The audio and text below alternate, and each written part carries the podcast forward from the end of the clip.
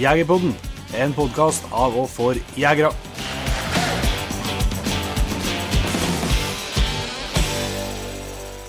Hjertelig velkommen til en ny episode av Jegerpodden. Jeg er Jon Petter Meldingen. Jeg er Jon Ingevik. Ja, I dag så eh, følger vi egentlig litt opp førre episoden når vi prata med en uh, Torstein Storås, og der var snakk om viltforvaltning og en god del på, på fuglesida. Så blir det jo litt snakk om, om rev. Uh, og for å følge opp litt på det, så har vi jo tatt en prat med en kjent kar, i hvert fall for ganske mange i jegermiljøet, som heter for Gordon Fjell som uh, har laga mye bra jaktfilmer, og, og litt spesialist både på film og på jakt på uh, det med åtejakt på rev. Så det, det, er en prat eh, som varer en god stund, men som jeg tror er vel verdt å få med seg for dere som både har prøvd litt båtjakt, og kanskje dere som vurderer det, eller bare har lyst til å høre om en, en spennende jaktform. Ja, helt klart. Det, ble, det, var, det var en fin prat og, og veldig lærerikt. Selv om man har holdt, holdt på litt med åtejakt òg, så, så, var det mye gode triks å lære seg. Yes, han har jo har ganske, mye, ganske mange ræva på samvittigheten og Gordon og har vært på mye forskjellige åter og sett mye forskjellige løsninger og har tanker om hva, han tenker funker, så det, det er bra. Men uh, vi eh, skal jo ut på en skikkelig roadtrip denne vekka her, og Nige, vi må innom det først før vi kjører i gang en Gordon. Ja, det ble jo sånn her nå, da. Ja, vi skal nedover begynner begynne fort en 11-12 timer kjøring nedover i sydligere deler til Sverige. Skal. Vi skal nå innom på Valakåpan. Uh, Helsbånd Tom. Halsbånd Tom der, ja. Og så håper jeg nå at han har en kasse klar til meg, så jeg får en kåp bak, bak, på bilen min. Det ser jeg veldig fram til. Ja, det vet jeg. Det blir jæklig bra. Det blir artig å se. Eh, både artig å få prata med han live og direkte. skal jeg si. Men ikke minst få se litt hvordan fabrikken ser ut, og der de bygger de kassene. som jeg har blitt så glad i. Ja. Uh, så det blir artig. Og så kan vi jo ikke bare dverre på en sånn. Vi skal ha med oss en, enda en kompis av oss. Så skal vi til Mamima, der vi har vært innom den plassen før, og der vi snakka om at det skulle være jegerutfordring tidligere i vår, men vi, som dessverre ikke ble noe av, så har vi ordna så vi skal dit og, og trene litt hunder, prøve litt hunder på, ja, både på elg og, og villsvin. Ja, det stemmer det, vet du. Så, så det ser jeg jo virkelig fram til. Uh, vi, uh, planen er vel å prate litt med dem, og de er jo som de er på sånne plasser som dere, så har de jo mye erfaring med, med hund og, og, preging av hund. Så planen for Tinkas del i hvert fall er at jeg skal, jeg skal prøve først på, på elghegnet. Eh, det er sånn at det er stor innhegning, og så tar de elgen i et, eh, et mindre, mindre, innhegning inni her. da. Så du, du, får, ikke sånn direkte kontakt uh, som i skogen da, mellom, mellom elgen og, og hunden, men de kommer jo nært på dem. Så det skal bli veldig interessant å se hvordan reagerer på det. Jeg håper det blir, håper det, blir en bra los. og hvis det går bra, så har de flere flere villsvinheng med litt forskjellig, både forskjellig størrelse og, og litt ulik gris, eller hvordan grisen oppfører seg. Så det er jo et plan hvis det går bra på, på elgen, å prøve det videre i prøve det videre i et uh, hegn med, med, litt uh, tam, tam, vil, tamme villsvin, hvis du kan si det. Uh, og hvis det går bra, så er det jo mulighet uh, på søndagen der kanskje til å, til å gi det største, største hegnet deres, der de tilbyr at du òg kan få fell for hunder. Ja. Så dette kan virkelig bli ei helg å se fram til det, også. Eller det vet jeg det er helg å se fram til, for det gjør jeg av hele mitt hjerte. så gleder jeg meg til turen her. Ja, det blir spennende. Så um, du skal ha med deg ungtispa, og han kompisen vår skal ha med seg ei tispe. Og så tar jeg med meg antagelig den yngste støvelen da, for å Naturligvis ikke bruk, prøve henne på elg, men, men eh, på villsvin det er det litt artig å se om hun eh, viser interesse for det. da. Mm. Ja, det blir skikkelig spennende. Og så skal vi jo direkte derifra så skal vi jo videre til Norge igjen, da.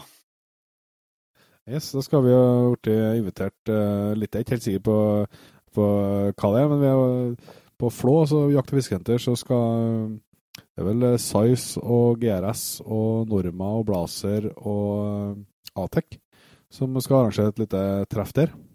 Mm. som vi har vært invitert til. Så da må vi nå møte opp. Så det blir jo litt forskjellig skjøting, og, og ikke minst få litt både opplæring og, og eh, mer informasjon om eh, litt forskjellig jaktutstyr. Og det er jo vanskelig for oss å si nei til, da. Ja, jeg tror det blir artig der òg. Så Ja, det virker sånn. var det vel litt langholdsskøyting som sto i, sto i fokus, og det var muligheter til å prøve noe litt grovere kaliber, tror jeg, og, og videre oppover på avstandene enn hva vi er vant til fra før, da. Altså, det blir en eh, knallfin tur, så jeg er spent på hvem vi, hvem vi treffer og hva vi får oppleve der. Det blir artig. Det skal dere få høre mer om, selvsagt, eh, når vi har, når vi har vært der. Og så eh, har vi jo noen eh, litt sånn eh, nyheter. Det ene er jo at eh, vi, har vært inne på det at vi skal nedover til, til Elverum eh, på jakt- og fiskedagene. Eh, vi har jo det er jo så heldig at vi har eh, hjort, nei, hjortjakt, eh, bukkejakt eh, den helga eh, der på, la på en eh, Ole Harald og på, på Oppaker gård. Som er en konkurranse som vi kjører for, for patrons. Eh, men en nyhet er det at vi skal ha stand eh, på Elverumma. Ja. Så da skal vi rett og slett Planen er å, å stille ut en av, en av bilene våre. og vise fram jaktbil. Det er jo et tema som vi ser engasjerer mange, og som vi er, er ganske glad i sjøl òg.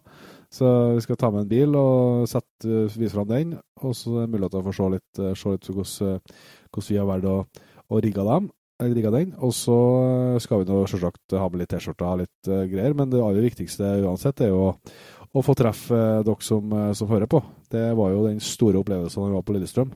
var jo å få ansikt på, på veldig mange av eh, dere som hører på. Så eh, vi oppfordrer jo alle til å ta turen til, til Elverum, selvsagt. Og alle dere som skal dit, eh, kom innom oss og slå av en prat. Det, det blir virkelig artig helg. Så da blir jo for vår del både jakt og, og, og jakt- og fiskedagene. Så det, det kjennes ganske lenge ut. Nå kjenner jeg for at jeg gleder meg skikkelig, men eh, det går nå veldig fort. Det er jo ikke så mange, mange uker igjen, faktisk. Nei, altså. Det er vel ingen av oss som har vært på, på de jakt- og fiskedagene før? Nei, det blir første reis, så det blir tøft. Ja. Så har jo, det er jo store forventninger. Det er jo, det er liksom, har jeg jo, jeg har jo hørt veldig mye om det, og kjenner jo så mange som har vært der, og det har jo vært en sånn evig tanke hvert år på vis at, uh, at en skal ta turen. Men uh, endelig så, så blir det, og nå blir det jo til og med med stand, så vi skal komme litt tilbake til kanskje mer eh, både på, i podkasten og i, på Facebook og sånn, hva vi, hva vi skal gjøre, og kanskje bli litt konkurranser og greier, og det håper jeg nå i hvert fall at vi får til. Så jeg håper at vi, vi treffer, deg, treffer deg der hvis du skal dit. Uh, og øh, så det blir jo Elverum. Vi har jo vært på Camp Villmark, og Elverum jeg vet ikke hvem som er størst, men det er jo to veldig, veldig store. Men vi har jo rett og slett kasta oss ut i å, å være med og lage eh, helt egen jaktmesse. Ja, vi har det. Det, det er så mye rart en gleder seg til framover nå den helga der. Eh, Den, den grugleder jeg meg litt til, men jeg så ikke å så gleder seg nå. Eh, nå har vi jo sluppet ut eh, offentlig, på Facebook og litt arrangement og sånn der. Og så mm, ja, vi driver og jobber litt mer hver dag nå, egentlig. Ja, vi, øh, vi er jo ikke Vi er bare å se, i, se seg sjøl i speilet det, og se at en er ikke spesielt flink til å si nei. Eh, Men spesielt ikke så, sånne muligheter som dette dukker opp. da, og Det er jo lag med Holberg eh, ute på Asphaugen på Steinkjer vi skal arrangere det vi kaller for Aspøgen Gamefair da, 31. august. Eh, og Det blir jo en, eh, blir jo en heldag eh, med, med liksom messe på, på dagen oppå der. men Med, ja, nå har vi fått på plass veldig mye bra utstillere Mm. eh, som kommer med, med, med jaktutstyr, og det kommer våpen og hele den biten der. Det kommer del på ATV, og det kommer del på hund. Eh, vi har en skytebane der, så vi skal få til å arrangere en forhåpentligvis noe demoskyting på, på en del spennende våpen som, eh, som er kanskje ikke er så enkelt å få testa ellers. Mm. Eh, Så det blir en, virkelig en hel, hel dag, og det ser ut som interessen er veldig veldig stor, så det var jo utrolig hyggelig. Det var jo helt, vi skjønte ikke helt hva som skjedde. Vi la, laga jo bare ei Facebook-side og i gruppe, og så, nei, et arrangement, og la det ut. Og så plutselig var det jo på hundrevis, og nå er det godt over, godt over 1000 som sier de er både interessert at de skal komme. Så, så det kan bli en virkelig bra dag. Og så kjører vi jo på eh, for eh, dem som ønsker en helaften, skal jeg si, med å arrangere Jegerpoden live igjen eh, på kvelden der på et utested i Steinkjer som heter Vårt Hjem. Og etter, etter liven så blir det et kalas òg. Så dere oppfordrer jo selvsagt folk til å ta turen. Billettene ligger ute på jegerpoden.no, så finner du info om, info om det. Jeg tør ikke å garantere når dette kommer ut på fredag at det er mer billetter igjen, men hvis, det, hvis, du er interessert, så gå i hvert fall inn og sjekk. Eh, det har vært helt utrolig mottakelse på, på billettsalg, rett og slett. Så det blir nok, det blir nok fullsatt. Ja. Det er jo ikke noe, ikke noen begrensninger på billettene på dagtid, men uh, nei, nei, nei. legger på den live og, og, den uh, afterfairen, altså den uh, etterfesten, skulle du si, den, der er det begrensa billetter, så der må den være kjapp ut. Hvis det, hvis det, er noen igjen. Ja, ja. Så det er sagt ikke noen begrensninger på dagen, selvsagt. Men der er det muligheter for å forhåndsbestille billett. Så det kan jo Hvis det slår til at det kommer så mye folk som ser ut som, så kan det jo trenger ikke være en dum idé å ha forhåndsbestilt. Da. Det blir jo det blir jo samme pengene, men det blir nok, vi får nok til et enklere Det blir nok mindre kø, i hvert fall, hvis det kommer så mye folk som det ser ut for. Så det kan jo være et godt tips uansett. da. Yes. Nei, det blir, det blir skøy. Yes, det skal vi komme tilbake til. Både hva som eh, kommer til å skje oppå der av aktiviteter, og hvilke utstillere som, eh, som, dukker opp, og hva du kan, eh, hva du kan oppleve. Men er du nå i, i, området eller er villig til å kjøre deg en tur, så sett i hvert fall av 31. august til, til Aspøyen Gamefair og Jegerpollen live. Det tror, jeg kan, det tror jeg kan bli en meget bra pangstart på jakthøsten. Yes. Skal vi bare rett og slett kjøre i gang åtejaktpraten går det Gordon? Det gjør vi. Da har jeg gleden av å ønske Gordon Fjell hjertelig velkommen til Jegerpodden. Tusen hjertelig takk. Det var veldig hyggelig at uh, de ville ha en totning til å prate på Jegerpodden. En totning som ikke har jeg bikkje, og i hvert fall ikke harabikkje. Ikke har jeg vært på harejakt noen gang, og ikke drukket hjemmebrent. Så, du, du, er helt sikker på det, Totning? Ja, jeg, jeg tror nå det. jeg, er, jeg, er, faktisk produsert i Canada, men jeg ble jo født like etter foreldrene mine flyttet hit. da. Ja. Så, så, så, det kan vel eh, være et eller annet mismatch der. Ja. ja da, direkte, direkte import fra Canada? Ja. Nei da, det er veldig, veldig stas å få, få lov å være med hos dere. For jeg har hørt på mange av episodene deres, jeg har vel hørt de fleste. Og det er så mye bra. Fantastisk bra. Og de er jo flinke programledere, da, må jeg bare si. Eh, jeg hadde vel en kommentar her på, på, på sida deres eh, der jeg skrev at dekk to var egentlig litt sånn Jeger-Norges Are og Odin. For det er bare trivelig. Ja, ja, ja, trivelig og lunt. Ja, det er meninga der, så får vi Jon Inge som er sauebonde, så vi skjønner jo hvem, eh, hvem som er hvem, så det går bra. Herlig. Nei, men Vi, vi ble jo litt kjent i, i vinter. her, Gordon holdt et uh, meget godt foredrag uh, på Verdalen her om uh, åtejakt på rev. og Det er det som vi skal ha som, som tema, i, tema, i, dag, og det har vi gledet oss til, til lenge. Men vi må lett både ja, som hører på, bli litt bedre kjent med deg før vi, vi, kjører i gang på det. Kan du fortelle litt Nå har du jo gått gjennom stamtavla sånn i kjappe trekk, men du kan fortelle litt mer om deg, om deg sjøl? Ja, Eh, Gordon Fjell, 56 år, ung. Eh, bor på Gjøvik. Opprinnelig raufossing. Eh, delvis vokst opp på gård småbruk og litt i by. Litt sånn variert bakgrunn der. Men jeg var litt misvisende i stad kanskje når jeg sa at jeg var produsert i Canada. Foreldrene mine er norske, men de ja, bodde ja. i Canada tre-fire år og gifta seg borti der, da. Så Riktig. Nei da. Så utenom det så er jeg gift og har et barnebarn på ti år mm, som er med ute ofte. Og mye interessant. Så det er jo veldig stas, da. Eh, ellers har jeg bakgrunn eh, eh, som eh, utmarksforvalter. Eh, studert på, på Høgskolen i Hedmark, avdeling Evenstad. Mm. Eh, på utmarksforvaltning der, og pluss noen tilleggsår innenfor digitale kartverk på NTNU på Gjøvik og litt sånn. Ja. Så har jeg òg jobba, eh, etter en ferdig utdanning, eh, har jeg jobba som konsulent i et privat firma som tok på seg oppdrag innenfor forvaltning. Både viltforvaltning og fisk, fiskeforvaltning. Um, jobba litt med driftsplaner og viltkartlegging og biotopkartlegging og mye forskjellig sånt. Og i tillegg jobba litt med problematikk med elgpåkjørsler. Og, og bruk av viltreflektorer, faktisk, for å, for å også få ned påkjørselsstatistikken, da. Ja. Så, så, jeg driver med det forskjellig innafor eh, har Jeg drev med det et par år. Litt vanskelig å få nok oppdrag til å kunne leve godt av det. Eh, samtidig så skulle jeg ut på min første jakttur til Canada sammen med min onkel, som bodde der. Eh, og da kjøpte jeg et videokamera, og så begynte det å rulle på seg. Og ja, og så startet jeg eget firma innenfor film og filmproduksjon. Har gjort en del filmer om jakt, litt forskjellige typer jakt. Men mye annet òg, da. Innenfor både bedriftsmarkedet og litt for NRK og, og mye forskjellig. Ja, ja. Så det har jeg holdt på med siden 2000. Eh, og driver der på ja, hel skråstrek deltid, og har òg en tilleggsdeltidsstilling på Sykehuset Innlandet på Gjøvik. Der jeg òg jobber på en psykiatrisk akuttavdeling. Ja. Ja. det kan jo være en nyttig erfaring å ha med seg med akuttpsykiatri for oss som er oss som jegere. Nå har ikke du hund, altså ikke sikkert du trenger like mye, men Nei, det, det, det, kan du kanskje si. Det, det, blir borte en dimensjon da, ja. Det gjør nok det.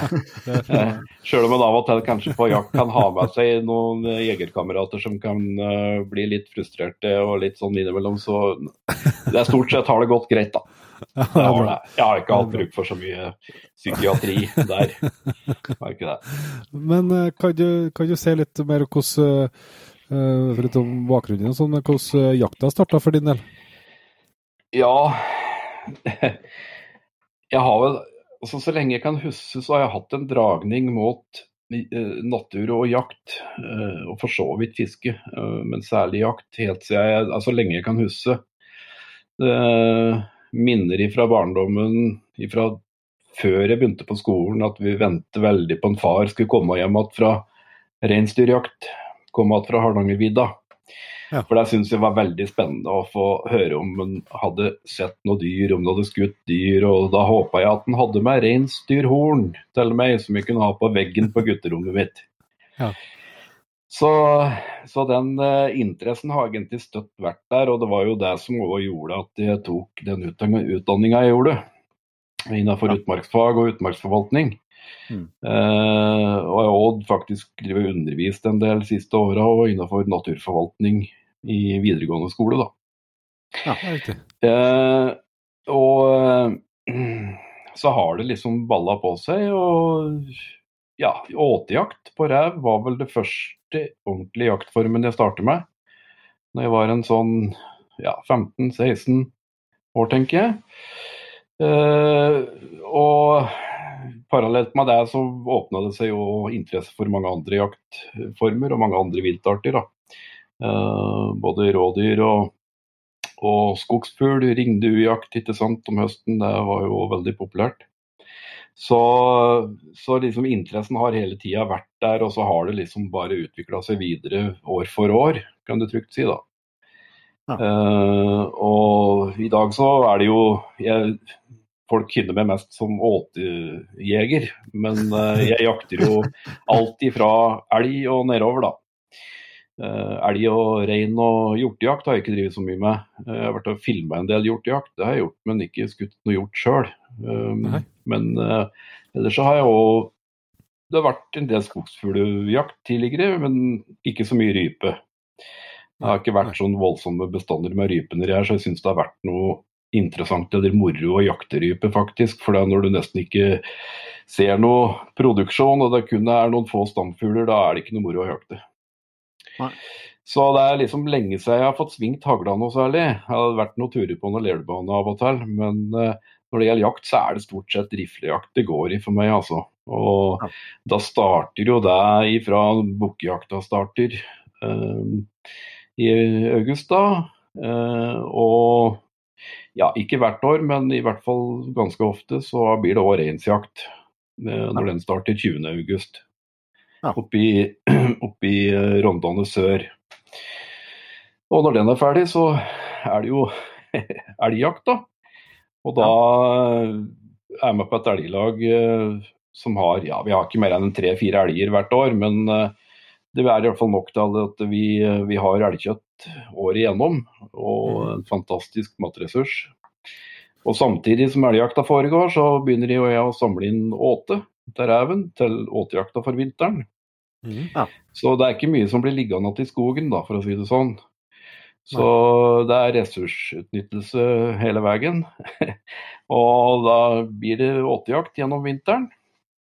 Eh, og på våren så hender det seg jo at det blir eh, noe beverjakt, da. Og innimellom. Ja. Så, så egentlig så var ja, jaktåret går ifra august til ut april, altså. Det gjør det. Ja. Ja. Men så på, på, på hundfronten, der var, det, der var det dårlig stilt, som du sa i, sa i innledninga her. Altså, jeg heter jo Gordon. Og egentlig, egentlig så skulle jeg jo hatt en Gordon-setter. Eh, men jeg har ikke det. Jeg, jeg, jeg, er, jeg har aldri vært noen hundemann for så vidt. Altså vokst opp med en golden retriever som var som et lam. Du kunne bruke den som lappeteipe nærmest. og han, eh, men han var ikke vass, han. altså Han tok jo en del både ræv og grevling. men eh, vokste opp med en sånn en, men utenom den så har jeg ikke hatt hund, nei. Og Nei, nei. eh, folk i huset her og kona mi er eh, allergisk mot hund òg, Ja, sånn, så da er det ikke så lett. Så jeg er en sånn type jeger som er både hund og jeger sjøl. Det, det blir jo mye posterings- og snikjakt da, på meg. Ja, ja. Bort, bortsett fra under elgjakta på elglaget, der har vi jo grå norsk grå elghund eh, med oss. og av og til så bruker vi òg andre hunder som er godkjent på ettersøk, som vi bare går med i bånd for å kanskje dytte litt på noen dyr som vi vet oppholder seg, i området, for å kanskje skyve dem litt mot noen poster. Da. Ja, skjønner. Men uh, før vi kjører på for fullt med, med revjakta her, eh, Gordon, så må vi ta litt uh, gjennomgang på i våpenskapet, da. Ja, Det syns vi er spennende. ja, Vi har jo en eh, annonsør denne vekka her òg, og det er vi jo veldig glad for. Og det er jeg faktisk så glad for at vi måtte eh, ta en prat med en av dem som eh, står bak markhusene. Og det ble deg, det. Jon Inge Brakstad, velkommen til Jegerpodden. Takk skal du ha. Vi lurer jo rett og slett på Vi har jo noen gode argumenter for det, men du må, vi må jo ha rett fra kilden. Hvorfor er, hvorfor er folk skal handle til markhusene?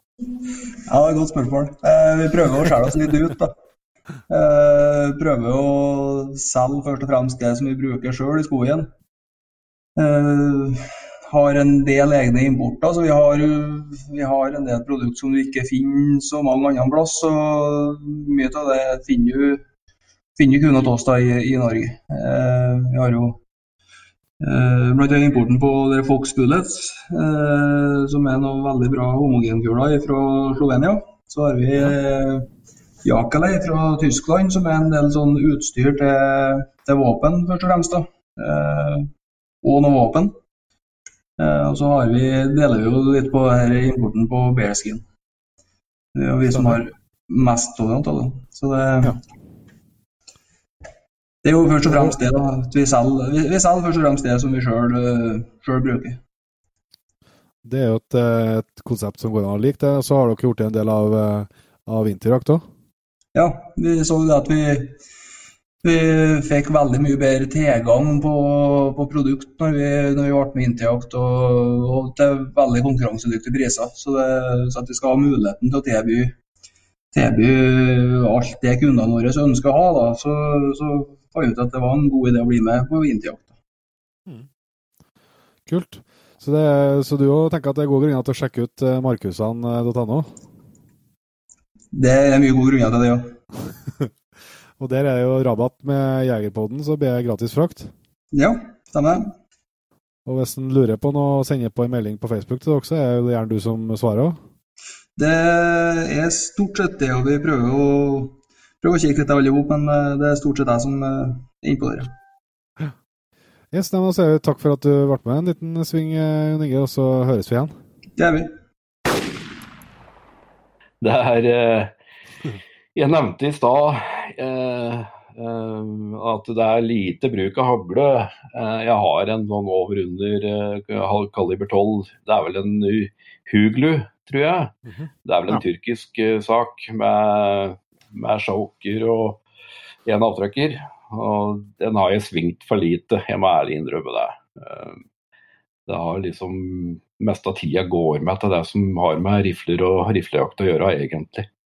Ja. Ellers så, på både elg og på bukk rådyrbukk innimellom, og på reinsjakt så har jeg brukt en, en Browning Bar halvauto i 308. Okay. Den er uh, fantastisk. Um, grunnen til at jeg bruker den mye, er at jeg filmer jo all jakta jeg driver med. Og da da er jo det er i hvert fall 40% mindre rekkehyll i en halvauto enn det du finner ja. på ei vanlig boltrifle. Ja, du får finere opptak? Ja, så der er det vel, det er nesten ikke oss, selv om jeg kanskje zoomer inn 50 og, og bruker manuell fokus eh, ferdig innstilt, så ser du ser nesten ikke rekkehylleopptak på kamera.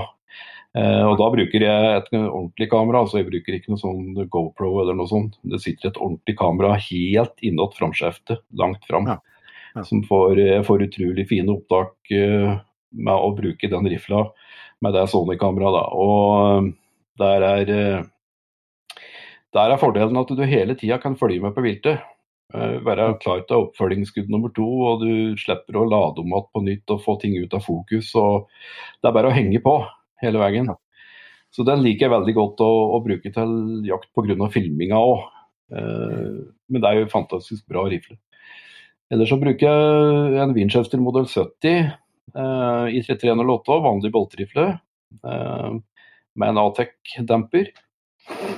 Ja, på den jeg glemte å si eh, kanskje på den Browning halvautom, så sitter det en eh, Trigicon-kikkert. Ja. To, til, eh, to til ti ganger 56. For å ha litt å gå på i dårlig lys. Det er vel egentlig Nikon som lager de linsen, så det er brukbart nok. Ja. Det er kanskje ikke size eller Swarovski, men til mitt bruk så har det holdt. Ja. Mm. Og på den Winchesteren modell 70 så sitter det en Viver Extreme som den heter, med rødpunkt. Um, det er en uh, ja, skal vi se to Nei, tre, tre til, nei, er det to og en halv til ti, eller er det tre til tolv? 56 den òg. Den òg syns jeg er veldig klar og fin. Ellers til reven så går det jo i uh, 223, da. En Hova Precision Warmint. Tjukt Warmint-løp. Med riflesnurr som klarer lette og raske kuler. Uh, og på den så har jeg en doktor Unipoint med rødpunkt, trinnløs rødpunkt på den òg. Og en Sonic demper.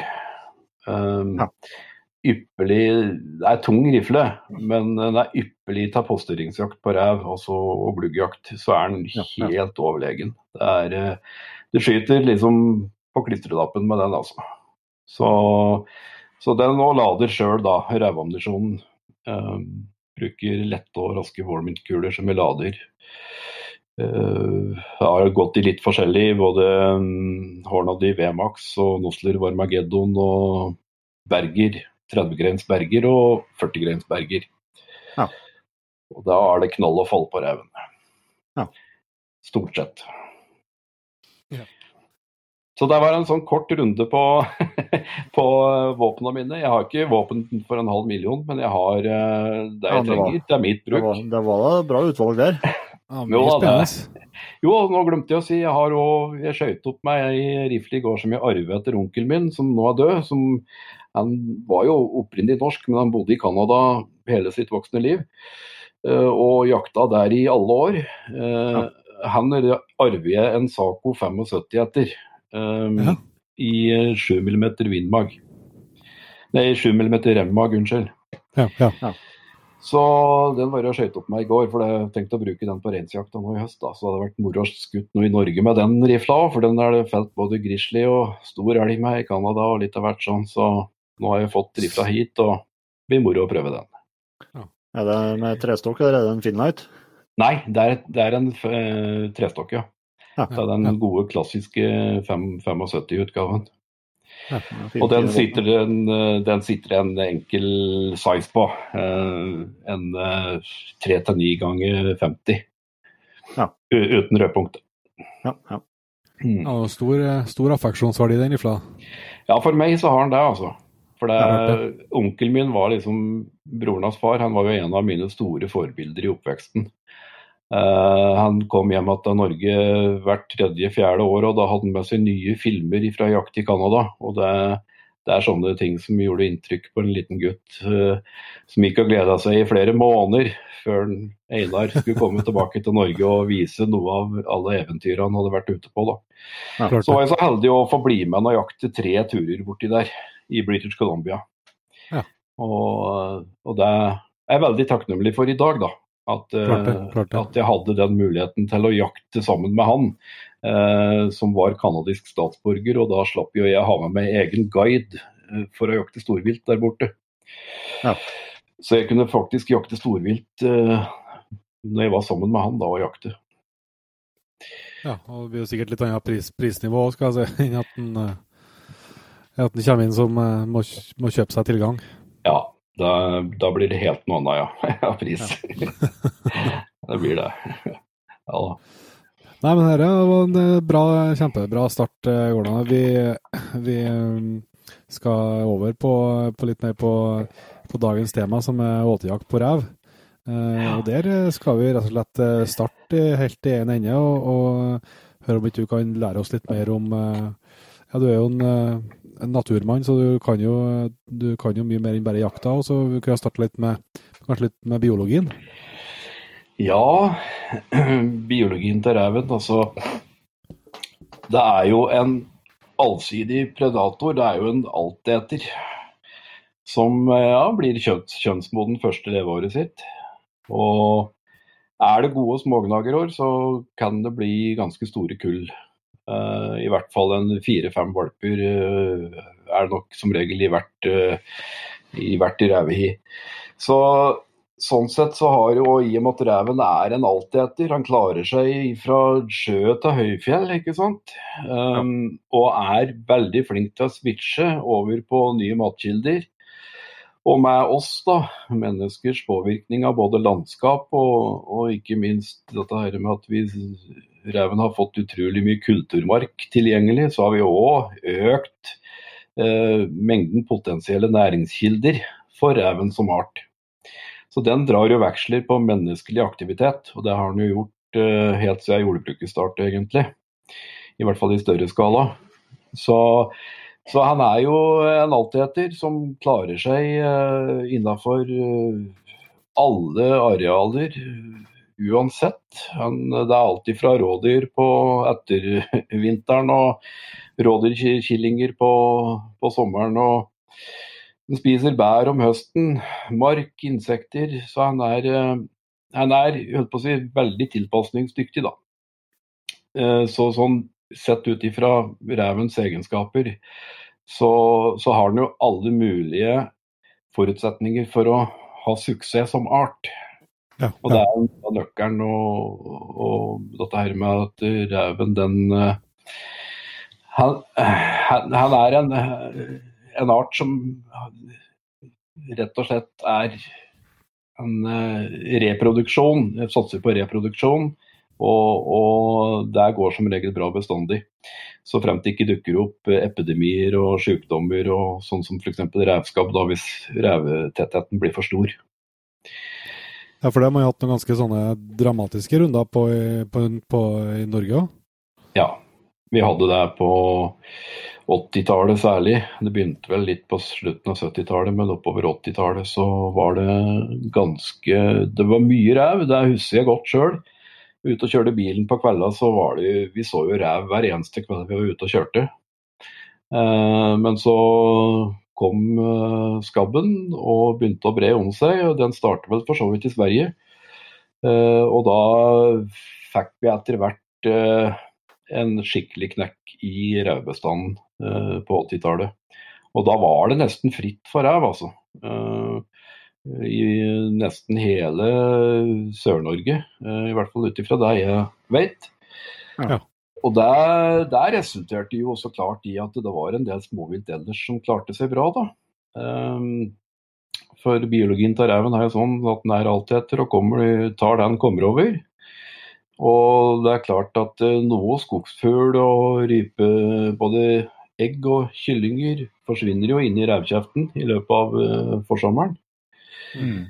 Så det er klart, med fraværet av reven så så vi jo òg en økning i rådyrbestanden. Og i tillegg så hadde vi noen vintre som det var veldig lite snø òg. Og der kom i tillegg rådyra til gode. Så en periode så var det jo veldig bra med rådyr. Før eh, dette her liksom begynte å komme litt i kalle det balanse. Da. Nå er det jo ikke noe naturen som er i balanse, det er jo i forandring hele tida. Men uh, ja. i hvert fall så, så, var det en periode det var veldig bra med både skogsfugl og rådyr eh, pga. både skabb og milde vintre. da. Men så kom den OL-vinteren i 1994 da ting begynte å bli mer normalt igjen. ja. Med mye snø og streng kulde og sein vår og så, så det, det, husker jeg kjempegodt. Ja, ikke sant? Ja da. Nei da, vi Men, men biologien til reven er ganske fascinerende, for den klarer seg under alle forhold. Eh, så fremt, eh, og Det som eventuelt kan føre til en knekk i revbestanden, det er jo så det jeg var inne på som har med skabb å gjøre, men det har òg med tetthet av rev å gjøre. Eh, og så er det så klart på kullstørrelsen per tispe, med hensyn til hvor mye smågnagere det er tilgjengelig. Så det er der noe av nøkkelen er på dette her med at revbestanden går litt i sykluser og litt opp og ned, så følger det ofte smågnagerbestanden. For det er jo tross alt smågnagere som er hovednæringa til, eh, til reven. Det er, det er mus, eh, og særlig da markmus. Så, så det, dette følger, følges ad. Eh, dette her med store valpekull, så er det som regel bra smågnagerår. Mm. Ja. Mm. Men den, hvor gammel ble han? Du, en uh, viltlevende rødrev i norsk fauna blir nok sjelden mer enn tre-fire år. Okay. Ja, de lever et hardt og intenst liv med konkurranse 24-7. Det er konkurranse om maten, ikke bare maten, men om de beste plassene, de beste områdene å slå seg ned, de beste territoriene. Eh, så de lever et forholdsvis kort og hektisk liv. Um, eh, så noe særlig mer enn tre, fire, ja kanskje det er noen rever som har blitt fem år, men eh, det tror jeg er absolutt maks, altså. Mm. Ja. Mm. Det var ikke all verden. Nei. Revirhav. Ja.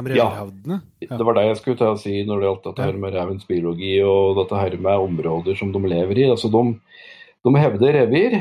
Det er kamp om å få det beste næringsterritoriet, for å si det sånn. Ja. Og de beste næringsterritoriene for en rev, det er der den har tilgang på et variert naturbilde. Og da er det så klart områder med mye både ut- og innmark, løvskog, blandingsskog, der, der det er et stort antall potensielle næringsbyttedyr, som er liksom det en foretrekker. For da er det kort vei mellom uh, hver musefangst, og den treffer ofte på hara. ikke sant? Og lenger inn i åsen, da, langt inn på ensarta skog, inne i granskogen, uh, litt høyereliggende, der du har uh, stort sett bare skogområder, så har du mindre rev enn det du finner nede i bygden. Og særlig langs elver og i, i daler, dalbunner, og særlig der daler møtes, så har du ofte viktige trekkveier for rødreven. Eh, for de er hele tida på leit etter både mat, men de vil òg prøve å finne en plass å slå seg ned. Og Da vil de helst slå seg ned der det er et rik tilgang på byttedyr. Eller vil jeg si at, uh, at de slåss om revirene nå, liksom? Ja. ja. det gjør de. Og det er jo hanna som liksom er på å si, sjefa i revira. Tispen kan jo være med markere revir, de òg men eh, ikke så aktivt som uh, Hanna gjør. Eh, og Hanna kan være ganske brutale seg imellom. imellom. Så, ja. så, der er det kamp, altså. Og, og, særlig utover når det begynner å nærme seg paringstida og og uti når det begynner å bli februar og mars, så, så er de og traver jevnt altså passer på revirgrensen sin, og at det kommer inn andre hanner som f.eks. skal prøve å pare tispa eller tispen som de har tilgjengelig innenfor revirene sine. Da. Mm. Men en annen ting som også er viktig, er at jordsmonnet og områdets egnethet, og det er litt viktig med hensyn til dette her med hi, og grava hi f.eks. Ja. Det ser ofte ut som områder uh, med mye sand og silt i bakken, og ja, områder med mye grus og sånn. Der er det lettere å grave hi enn det er på områder som er mer monotone, da. Uh, som du ikke har så lett og løs bakke. så der er det nok mange tisper som, som gjerne òg vil slå seg ned. Men Eh, om eh, ja, hvem som bestemmer hvem som oppholder seg hvor, det er litt vanskelig å si. Men i hvert fall så er det Hanna. Det er Hanna som på en måte styrer dette med revirgrensen. og Hvorvidt en hann har flere tisper innenfor reviret sitt, eh, det er vel ikke forska så mye på. Nei, Men nei. det kan sikkert variere litt, og da tror jeg det vil variere etter Eh, hvor egna området er for å rett og slett grave gode hi på, på tispen. Ja. ja. Men eh, har man noe, vet man om hvor stor, det, hvor stor man snakker om at det er Det? eller? Revirene de eh, varierer i størrelse med næringstilgangen. Det er, det er nok som med, med, mange andre arter at det, der ser en vel på ulv òg, at jo, jo mer tilgjengelig næring de har innenfor et område, jo mindre trenger de å bruke, energi trenger de å bruke på å få et stort nok revir. For det, det, er jo tilgangen på mat som bestemmer hvor store revirene skal være. Men for, hos rev eh, så kan et revir være nedi en eh, kanskje en halv kvadratkilometer. Ja. Eh, og opptatt kanskje ti kvadratkilometer. Helt avhengig av hvor mye næringen har tilgjengelig i det området. Mm. Er det lite mat, så vil den jo, så, da må den løpe mer og bruke mer energi for å skaffe seg nok, uh, nok næring. Og da, da, vil jo så klart revira bli større. Mm. Så innenfor gode landbruks- kulturmarkområder med kanskje litt tilhørende mer storskog, så, og kanskje i nærheten av vannlinjer, Eh, sjøer eller elver, større elver, så vil nok eh, kanskje territoriegrensen være mye mindre enn den vil være langt inn på åsen, da, for å kalle det det. Ja. Så dette vil variere. Men det er mm. tilgangen på nærings... Uh, på byttedyr som avgjør størrelsen på, på territoriet. Ja. Men uh, Vi har snakket litt om, uh, biologien. men som du var inne på med, med, skabben og sånt, når, eh, ja, når de virkelig fikk seg en knekkbestand, ja. så, så ga det oppblomstring av andre arter. Så, så reven har jo en, eh, den òg skal jeg si, en viktig rolle i, i eh, næringskjeden og i, liksom i, i det økologiske bildet. Ja, men, men, samtidig så er det òg mange andre faktorer som er med på, som kan òg være med på å, å bestemme hvordan det bildet der blir, uten at vi nødvendigvis ser konsekvensen av det. For det er, det er, eh, det er nok mange andre faktorer i tillegg. Det er nok ikke, det er ikke sikkert at det var bare det at reven uh, forsvant som gjorde at uh, vi, fikk, vi fikk mer skogsfugl og, og, og rådyr heller. Eh, men altså at indikasjonen på det er ganske bra, det er klart den er. Men det, det er nok ikke nødvendigvis bare det svaret. Nei. Men Nei. Uh, ja, det, dette forskes det vel stadig på, og det har egentlig vært forsket lite på at de er rødrev for så vidt, men nå det, foregår det mer og mer forskning på reven som art. Da. Så det er jo veldig interessant. Det er det. Men uh, den uh, Jeg vet at i, i, foredraget som jeg har hørt på, så, så snakka du jo litt om uh, Det er jo sikkert litt det, det bildet en del del har og, og rundt det med, med holdningene til, til reven. da. Altså I og med at den har så den ofte konkurrerer med, med oss jegere. Ja, om det, ja. de pop, veldig populære arter å jakte på, skal jeg si. Mm. Ja, det blir sånn. Ehm, det høres jo ut som at uh, ofte at reven, det er kun revens skyld at, uh, at vi har lite skogsfugl eller uh, rådyr i områder. Er, for mange så er reven liksom den store synderen. Og bildet er nok mye mer komplekst enn det. Um, jeg tror Så det, det har blitt, i hvert fall innafor noen eh, miljøer, så er det litt sånn at reven skal på en måte tas livet av uansett på hvilken måte det gjøres på. Han er, eh, han er en jævel som robber skogen for småvilt. og det, er, Du hører mye rart. Da. Det er mye holdninger som kommer fram der. Og, og det gjør seg kanskje òg gjeldende i, i at noen eh, ja, bare slenger et skudd etter en rev hvis de ser den. Og, og at jegeretikken på en måte blir lagt igjen litt hjemme eh, i forhold til eh, hvem andre er det som gjør det ellers når de er på storviltjakt, liksom. Det er, en skadeskutt rev har jo like mye smerter, den, som, som en elg. Så Nei, men det, det, er litt sånn som det har blitt. øh, og, og, at øh, så, altså F.eks. skogsfugl. da, De legger jo røya eller århøna hun legger jo reiret helt tilfeldig i terrenget. Det er ikke sånn at reven kan lære seg hvor den finner skogsfuglreir eller rypereir. Da må han leite. Og da må han løpe mye. Og da, og da har han flaks innimellom og kommer på et reir. Men eh, hadde det vært sånn at la oss si røya da, bare la egga sine, reiret sitt under bust, små bustegraner, da hadde det vært veldig enkelt for reven å lære seg det at eh, jo, der under er det sikkert et reir. Og der var det, ikke sant. Mm. Så at eh, for å få stor predasjon på, på innafor både eggstadiet og kyllingstadiet, så skal nok tettheten av rev være ganske stor før det begynner å ha noen effekt. da, som eh, For predasjon på enten reir eller på kyllinger.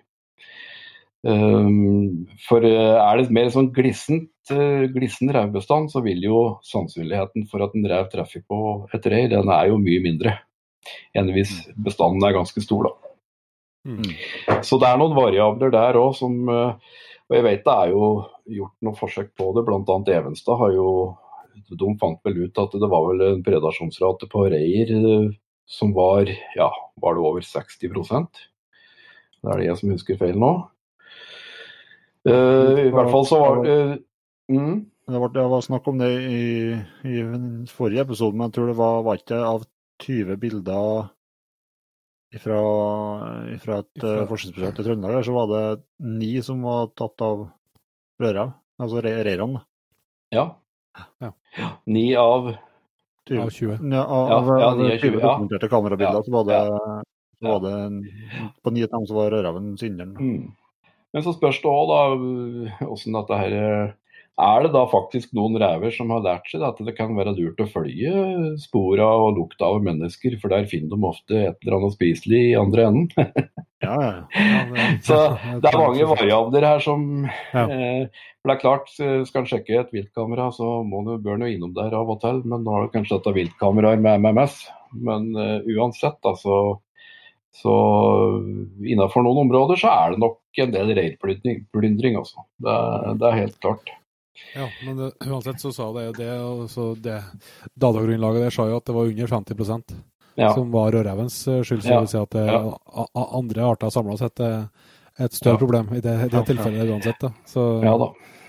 det jo eh, men, det, men reven er jo eh, Det kan jo være formålstjenlig, på, så kan man selv diskutere nivået av det. eh, Men det er uansett en eh, art som det er veldig mye spennende, spennende jakt forbundet med. Det er en enorm jaktressurs eh, som kan drives i frem fra 15. juli til eh, 15. april. Um, nå kan jo så, så klart diskuteres om det er riktig å ha eh, revejakta såpass lenge utover våren som til 15. april, for da er det faktisk eh, i noen områder så er det kanskje revevalper i hi allerede. Men det, eh, er- det blir jo så, kan det være, så tidlig. Jeg må, Ja. jeg må, jeg må, nå, nå må jeg, for dere dere har jeg diskutert med veldig mye folk opp igjennom. For, eh, ja, for uh, jeg jakter jo mye rev med, med støvere utover vinteren og greier. Og, og, men jeg hører jo tidlig at det begynte å snakke om paringstid og at de går og kauker og greier. Og det er jo ute tidlig i ja, februar. Ja. Men i områdene eh, omkring her så er det jo ikke, det er jo ikke snakk om noe paringstid før i mars. Nei, det varierer nok litt. Ja. Jo lenger sør du kommer, jo tidligere begynner det. Ja, ja. Eh, Men jeg er helt, jeg er helt enig til at uh, kanskje oppi her er det kurant å jakte til 15. Ja. men, uh, men uh, man må jo spørre seg om det er etisk rett å gjøre når det er Og da, da mener jeg at da får det være opp til hver enkelt sjøl. Ja. Ja, Ikke ja, sant? Det er. Eh, Det er ikke sånn at du må, du må følge jakttidsforskriften på en sånn måte, da. Nei, Så, det er så det er jo eh, det er opp til hver enkelt, det. Men eh, nå er det noe satt sånn. Og det er klart at oppe i Finnmark så, så er det nok ikke så mye uh, rever i hia ennå når det er eh, april. Nei, det Men, men i Agder-fylka kan det være helt annerledes. Ja, ja, ja. Sant, sant. Ja. Ja Så det må nesten se litt, se litt på hvordan jakter igjen. Ja, men, men, Ja. eh, men du jakter eh, Jakter du utelukkende å- på, på åte, eller er det er jo, vi har jo snakka om både ja, litt lokkejakt har vi snakka om tidligere, og vi har hatt med en del folk, og Jon Inge og, og er jo ivrig med, med støvere på, på revejakt. Men du, er det utelukkende åt- åtejakt du driver med, eller? Ja, det har vært det. Jeg driver litt med lokkejakt. Men det har vært i, i forbindelse med kanskje litt filming og sånn. Men eh, jeg har prøvd lokking, ja. Og fått Ja, det til å funke òg. Men, eh, men det er liksom åtejakta av en eller annen merkelig grunn, så det er mulig det er jeg som er skrudd sammen litt rart. Eh, som, sitter og som sitter i, altså, i en lita bu og glor ute i vinternatta med sånn halvåpen munn, omtrent som en sånn torsk som du ser i akvariet i Bergen, ikke sant? Så, så det er liksom OK, det er eh, det, det høres ut som du har ei hjernecelle som går sånn sakte rundt. eh, Sånn, og du sitter der nesten i en sånn halvdød, så Ja. Men eh, nei, det er et eller annet med denne åtejakta. Hele, hele stemningen, det er hele prosessen med det som jeg syns er eh, fabelaktig interessant. Og ikke minst det å, å jakta reven. Og studere reven òg. Ja. Ifra du ser han og til han er inne på åteområdet, åssen han oppfører seg, og årvåken han er, og uberegnelig han er, ikke sant, og hva han plutselig kan finne på. Så du, du har jo på en måte òg mye sånn naturopplevelser rundt deg. Både på reven, og du kan òg oppleve mye annet. Som ja, ugler som kan komme om natta, det kan komme flygende andre ting, en mår eller Det er stadig et eller annet da, eh, å feste blikket på. Så, så jeg, jeg har bestandig hatt en forkjærlighet for eh, åtejakta. Og som jeg har sagt til kona mi, at det var liksom første jakta jeg starter med, og det er sannsynligvis den siste jaktformen jeg kommer til å drive med òg. Ja. så da får jeg noen yngre krefter til å ordne og åte, og så får jeg hjelpe meg eh, med krykken inn i bua, så jeg kan sitte der eh, og kose meg, vet du. Ja. I verste, verste fall så kan det bli åte òg. Ja, det er akkurat det, da, vet du. Ja, det er som vanlige vanlig i gamle dager. Ja. ja, jeg har hørt noen historier som går på akkurat det, men skal ikke ta dem her nå, for de er litt stygge. Ja. Men Ja, hvis jeg tar det der hvor eh, Det er jo Det kan jeg jo se først, da, for at eh, vi snakka jo i vinter, eh, og da snakka litt om når vi skulle kjøre innspilling, og så tenkte vi kanskje at på den tida her det er kanskje ikke så mange som tenker på åtejakt på rev, mange forbinder, som du, vel, som du sier, med, med, med vinters, vintersjakt. Mm. Uh, Men det var du som hadde et veldig godt poeng uh, da, at uh, det er jo nå du virkelig kan begynne. Og på vinteren så er jo en ting hvis du har et åte klart, men det er jo nå du kan begynne å, å planlegge og, og forberede deg til å lykkes med åtejakta. Ja. um, for, ja, for vi kan godt ta en runde på det, men for å lykkes med åtejakt så krever det forberedelser, grundige forberedelser. Og, og det er klart eh, Det bør egentlig starte vinteren før. Ja. Med å, å, å studere faktisk hvor er det mest revtråkk. Ja. Hvor er det mest spor, hvor er det mest aktivitet av rev. Og prøve å finne seg en plass å jakte så nære som mulig inntil der du ser det er mye revtrafikk. Mm. Og hvor er det mye rautrafikk? Jeg var inne på det i stad. Det er som regel eh, i forbindelse med kulturmark. Det er eh, der det er variert tilgang på byttedyr. Det er som regel eh, langs sjøkanter, tjern, elver, eh, bekkedrag. Det er der som reven òg lett kommer seg fram. For der òg har du tilgang på å få skutt mye streifrev, i tillegg til de stasjonære som holder til i området. Så, så at én ting er starte innfòring. Det er på en måte del to. Del én er å finne ut hvor er det vi har mest rev i området her. Hvor er den farter? Og det er der man må prøve å legge inn uh, sjettegiret, da. Uh, og når du har fått uh, klarhet i det, da kan du begynne gjerne innføringa ganske tidlig på, på sommeren. For å, Ja. å få ikke minst de ræva som holder til i området, og ikke minst valpekulla, til å lære seg hvor maten er å finne. For de følger ofte mora si eh, i starten og, og henger på hender og lærer seg hvor de finner mat. Ja. Så, så det, er, det er nok et godt tips at en gjør helst grundige forberedelser vinteren før gjennom sporing. Eh, går og tråkker mye. Eh, og, og du vil som regel bestandig finne mest revspor der det er kulturmark og lett framkommelig. Mm. Og ikke minst langs eh, markerte terrengformasjoner som reven ofte bruker, streifreven særlig, som er på leit etter et ledig territorium. Mm. Så, så det er liksom Når jeg snakker om rev, så er det både rev som holder til i området, som har fast tilhold der, og så er det alle reva som streifer igjennom. Mm. Mm. Så, så særlig i dalfører og der daler møtes og langs eh, elver og tjern og, og innsjøer, så er det som regel bra med revtrafikk hele året igjennom. Mm. Så det er, det er et supert tips. Prøve å finne sånne plasser å jakte på. Altså Rev kan du jo skyte alle plasser, det er ikke det jeg mener. Men for å få litt uttelling, da, for å skyte en del rev, så er det en fordel å prøve å finne disse her knutepunktene, ikke minst. Der ofte rever krysses, krysser hverandre i dalmøter og langs større vassdrag. Men eh, du ser du, du begynner når, på dine åtter, og nå har du vet jeg at du har vel ganske bra koll på hvor eh, i dine områder hvor, hvor, hva som er gode plasser, men når begynner, begynner du å fôre allerede nå? da? Liksom? Nei, nei jeg, jeg gjør faktisk ikke det, altså. Ehm, jeg, jeg, begy- jeg, er, jeg, begynner litt seint, jeg. Egentlig, i forhold til mange andre. Mange andre er jo allerede i gang. Men jeg, pleier ikke å begynne å legge ut noe før, eh, før faktisk eh, det begynner å bli Ja, vi begynner jo i slutten av september. Ofte. Men, eh, og da i forbindelse med elgjakta og begynner å legge ut avfall etter elg. da. Mhm. Slakteavfall.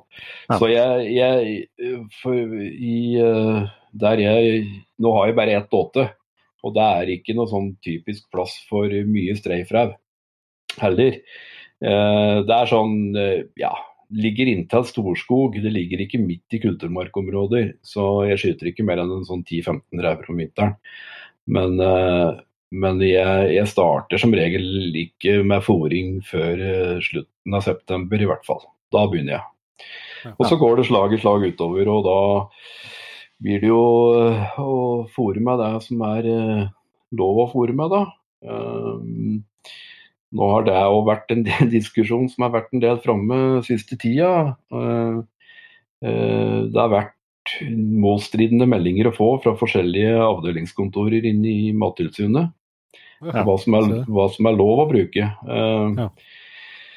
Og jeg, for en lang historie kort, da, så kan jeg bare si at eh, jeg har fått så motstridende meldinger fra forskjellige lokale kontorer at til slutt så var det Knut Arne Gjems som jeg informerte om dette her, og han tok kontakt med en jurist hos Mattilsynet i Oslo. Eh, som, eh, ja, som har full koll på det. Og eh, det ser ikke ut til at det blir noe forandring på dette her med bruk av åter. Eh, det kan fortsatt eh, eh, brukes eh, innmat eller deler av dyr, eller dyr som som er avlivet f.eks. på en gård, men som det er helt sikkert ikke har noen smittsomme sykdommer av noe slag, og som det ikke er noen smittefare ved. Det er fortsatt lov å, å bruke som måte, da.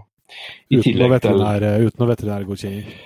Ja, altså når det gjelder vilt, så, så kreves det jo egentlig at eh, det skal være tatt noen CVD-prøver, da. Eh, Men på fallvilt så er det vel samme regler som gjelder der òg, at eh, det er fortsatt lov å bruke. Særlig ja, f.eks. trafikkdrepte rådyr og sånt. da. Så det har vært litt motstridende meldinger å få fra forskjellige lokalkontorer innenfor Mattilsynet, og det er frustrerende for brukeren, for jegeren. og og at en får motstridende meldinger om hva som er lov og ikke lov. Eh, Noen plasser du ringer, så får du beskjed om at det er ikke, nesten ikke lov å jakte med på åte i det hele tatt. Og da er det litt frustrerende, da. eh, Når det er en toppjurist i Mattilsynet bekrefter at nei, det, er, det blir ikke noe forandring. Det er ikke noe forandring på at det er med bruk av åte. Så eh, folk må bruke huet. eh, og fôrer, jeg fôrer jo også mye med både fiskeavfall og matavfall. Hundepellets bruker jeg veldig mye. Det er veldig fint å bruke for å få rev, og særlig litt skeptisk rev, til å trekke seg nærmere hovedåta og bedre innafor skuddhold.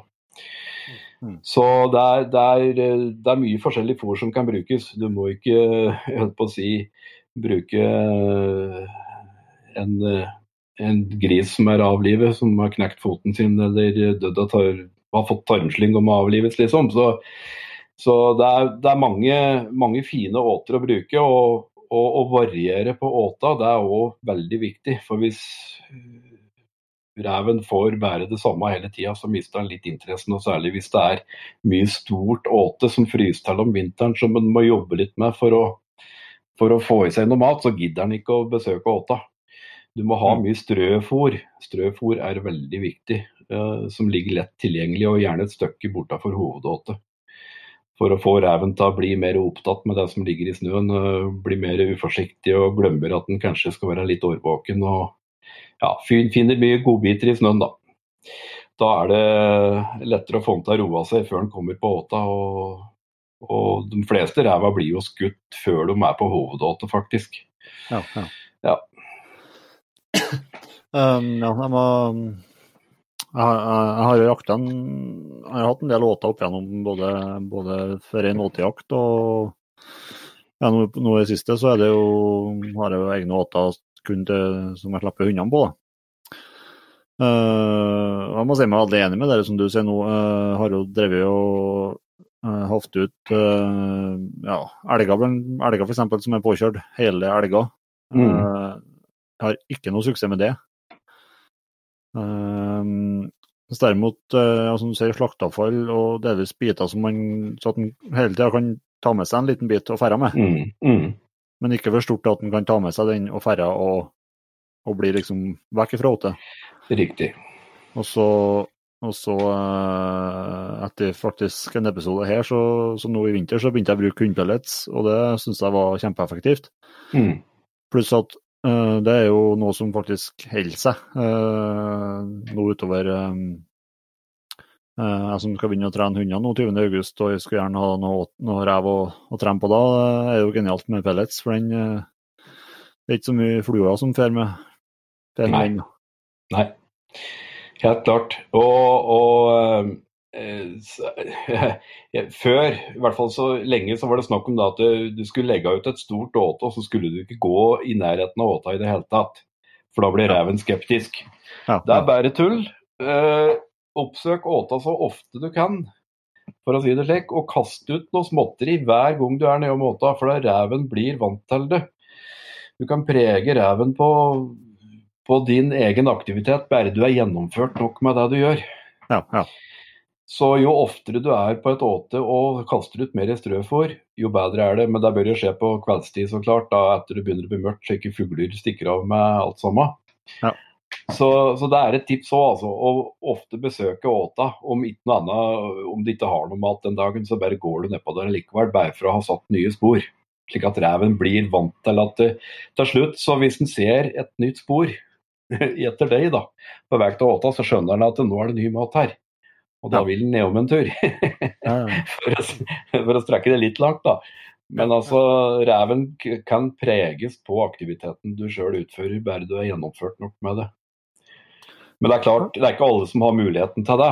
Noen jakter jo på åte langt unna bebyggelse og kanskje må reise langt. Og kanskje de bare får vært innom der en gang i uka for å legge på litt ekstra fôr. Det blir annerledes da. Men nå snakker jeg særlig om folk som kanskje har åte tilgjengelig lett innafor hjemmets egne lune rede. da. Som eh, enten de jakter på en egen gård eller eh, det er bare tre minutter å kjøre i bil, liksom.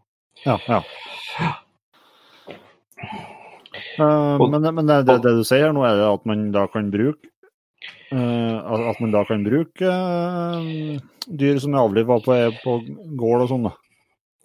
Ja, altså fremdeles så er det, sånn har det jo vært en stund. Eh, Det eneste som det er begrensninger på, det er da at uh, sau over ett år skal en helst ikke bruke pga. fare for skrapesjuke. Smitte av Ja. skrapesjuke. Uh, og så gjelder det òg for uh, altså, gjelder det også for eh, eh, storfe. Der òg så bør helst eh, pga. kugalskapssmitte, da.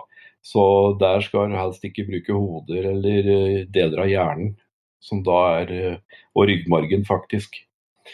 Men ellers så, så er det sånn at folk er nødt til å bruke huet òg sjøl, så lenge det ikke kommer noen helt klare retningslinjer som er tilgjengelige for den vanlige jeger.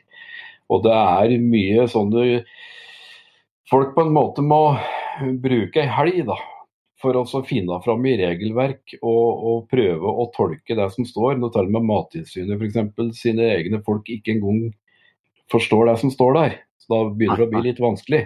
Ja, ja, ja. Og, og Derfor så sier jeg at eh, det er klart det er jo et ansvar her hos hver enkelt åtejeger at de ikke legger ut noe som er smittefarlig. For det er klart du legger jo ikke ut uh, et par griser som du plutselig finner død i fjøset en morgen, uten å vite hva de har dødd av. Nei, nei. Der man får kartlagt først altså hva er dødsårsaken og er det fare for smitte her. For er det fare for det, eller er det indikasjoner på det, så skal det jo ikke legges ut.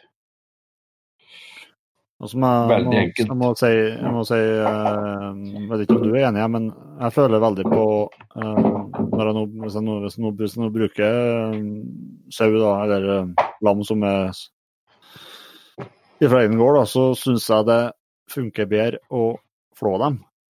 Mm. Ikke legge dem ut med, med skinnet på, men flå dem, og så legge dem ut.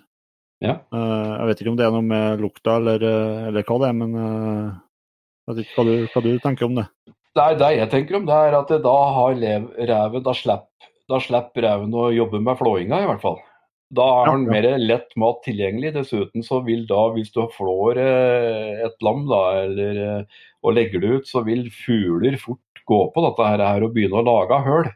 Ja. Og, og det blir liggende noen biter her og der, og det begynner å bli perforert ganske fort. Og da er det mye lettere for en rev å, å gå på dette her, og faktisk få i seg litt mat av det uten at den må begynne å flå så- lammet først, da, for å si det slik.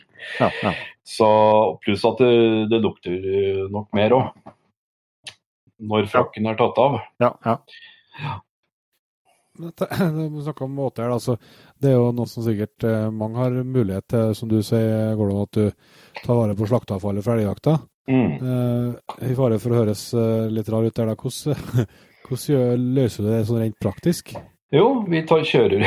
Nå, som jeg sa, da, vi jakter elg da på et forholdsvis lite terreng. Det er bare 8500 mål. og Med mye stier og skogsbilveier og, og forholdsvis lett tilgjengelig. slik at vi frakter ut elgen hel. Ja, det gjør. Det gjør Ja. dere. Så all slakting eh, på laget vårt da, det foregår på gården der vi har slakteri. Ja. Så derfor så er det veldig enkelt, da. Ja. Ja, det blir enklere.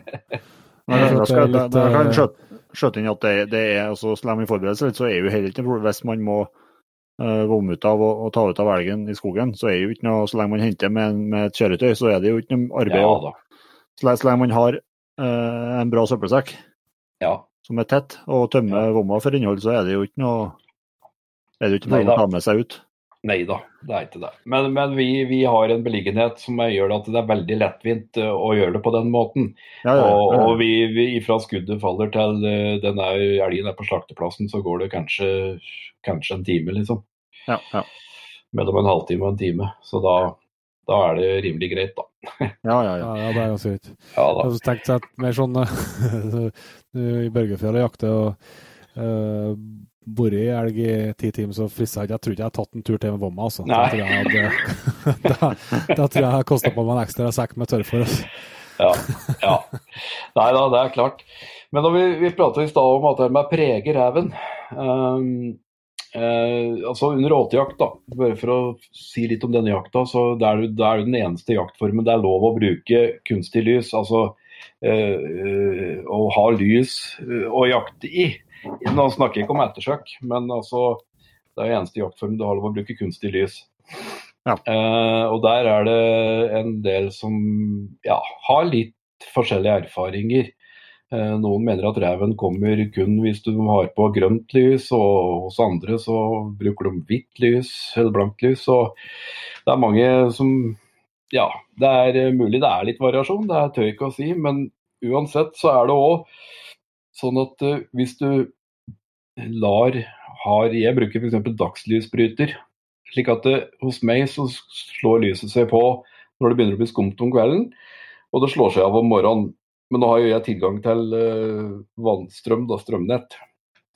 Så, så har han muligheten for å, å, å, gjøre det på den måten, så er det best. For at det, reven blir vant til det kunstige lyset ganske fort. Eh, noen rever er skeptiske uansett, faktisk. Uh, jeg hadde en sånn en i vinter. Den nekta å komme i nærheten av noe som heter strøåt eller noen ting, og holdt seg bare nedi sånne småskygger nedi jorda og bak en liten haug og sånn.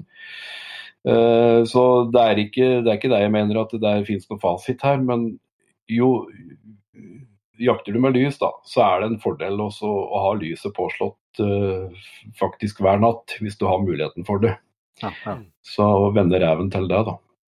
Ja, for ellers kan du lære at det er bare når det er lys at det er farlig? Ja, ja det, noen kan kanskje lære det òg. Det, det, er mye mulig. Men det er ikke bestandig du sitter der at du får skutt uansett. Men, nei, nei.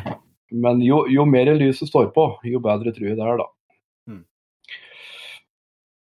Så, og da er det i, i forhold til eh, viltloven, så er jo dette nevnt der. Og før så var det jo sånn at lyset skulle være fastskrudd på vegg.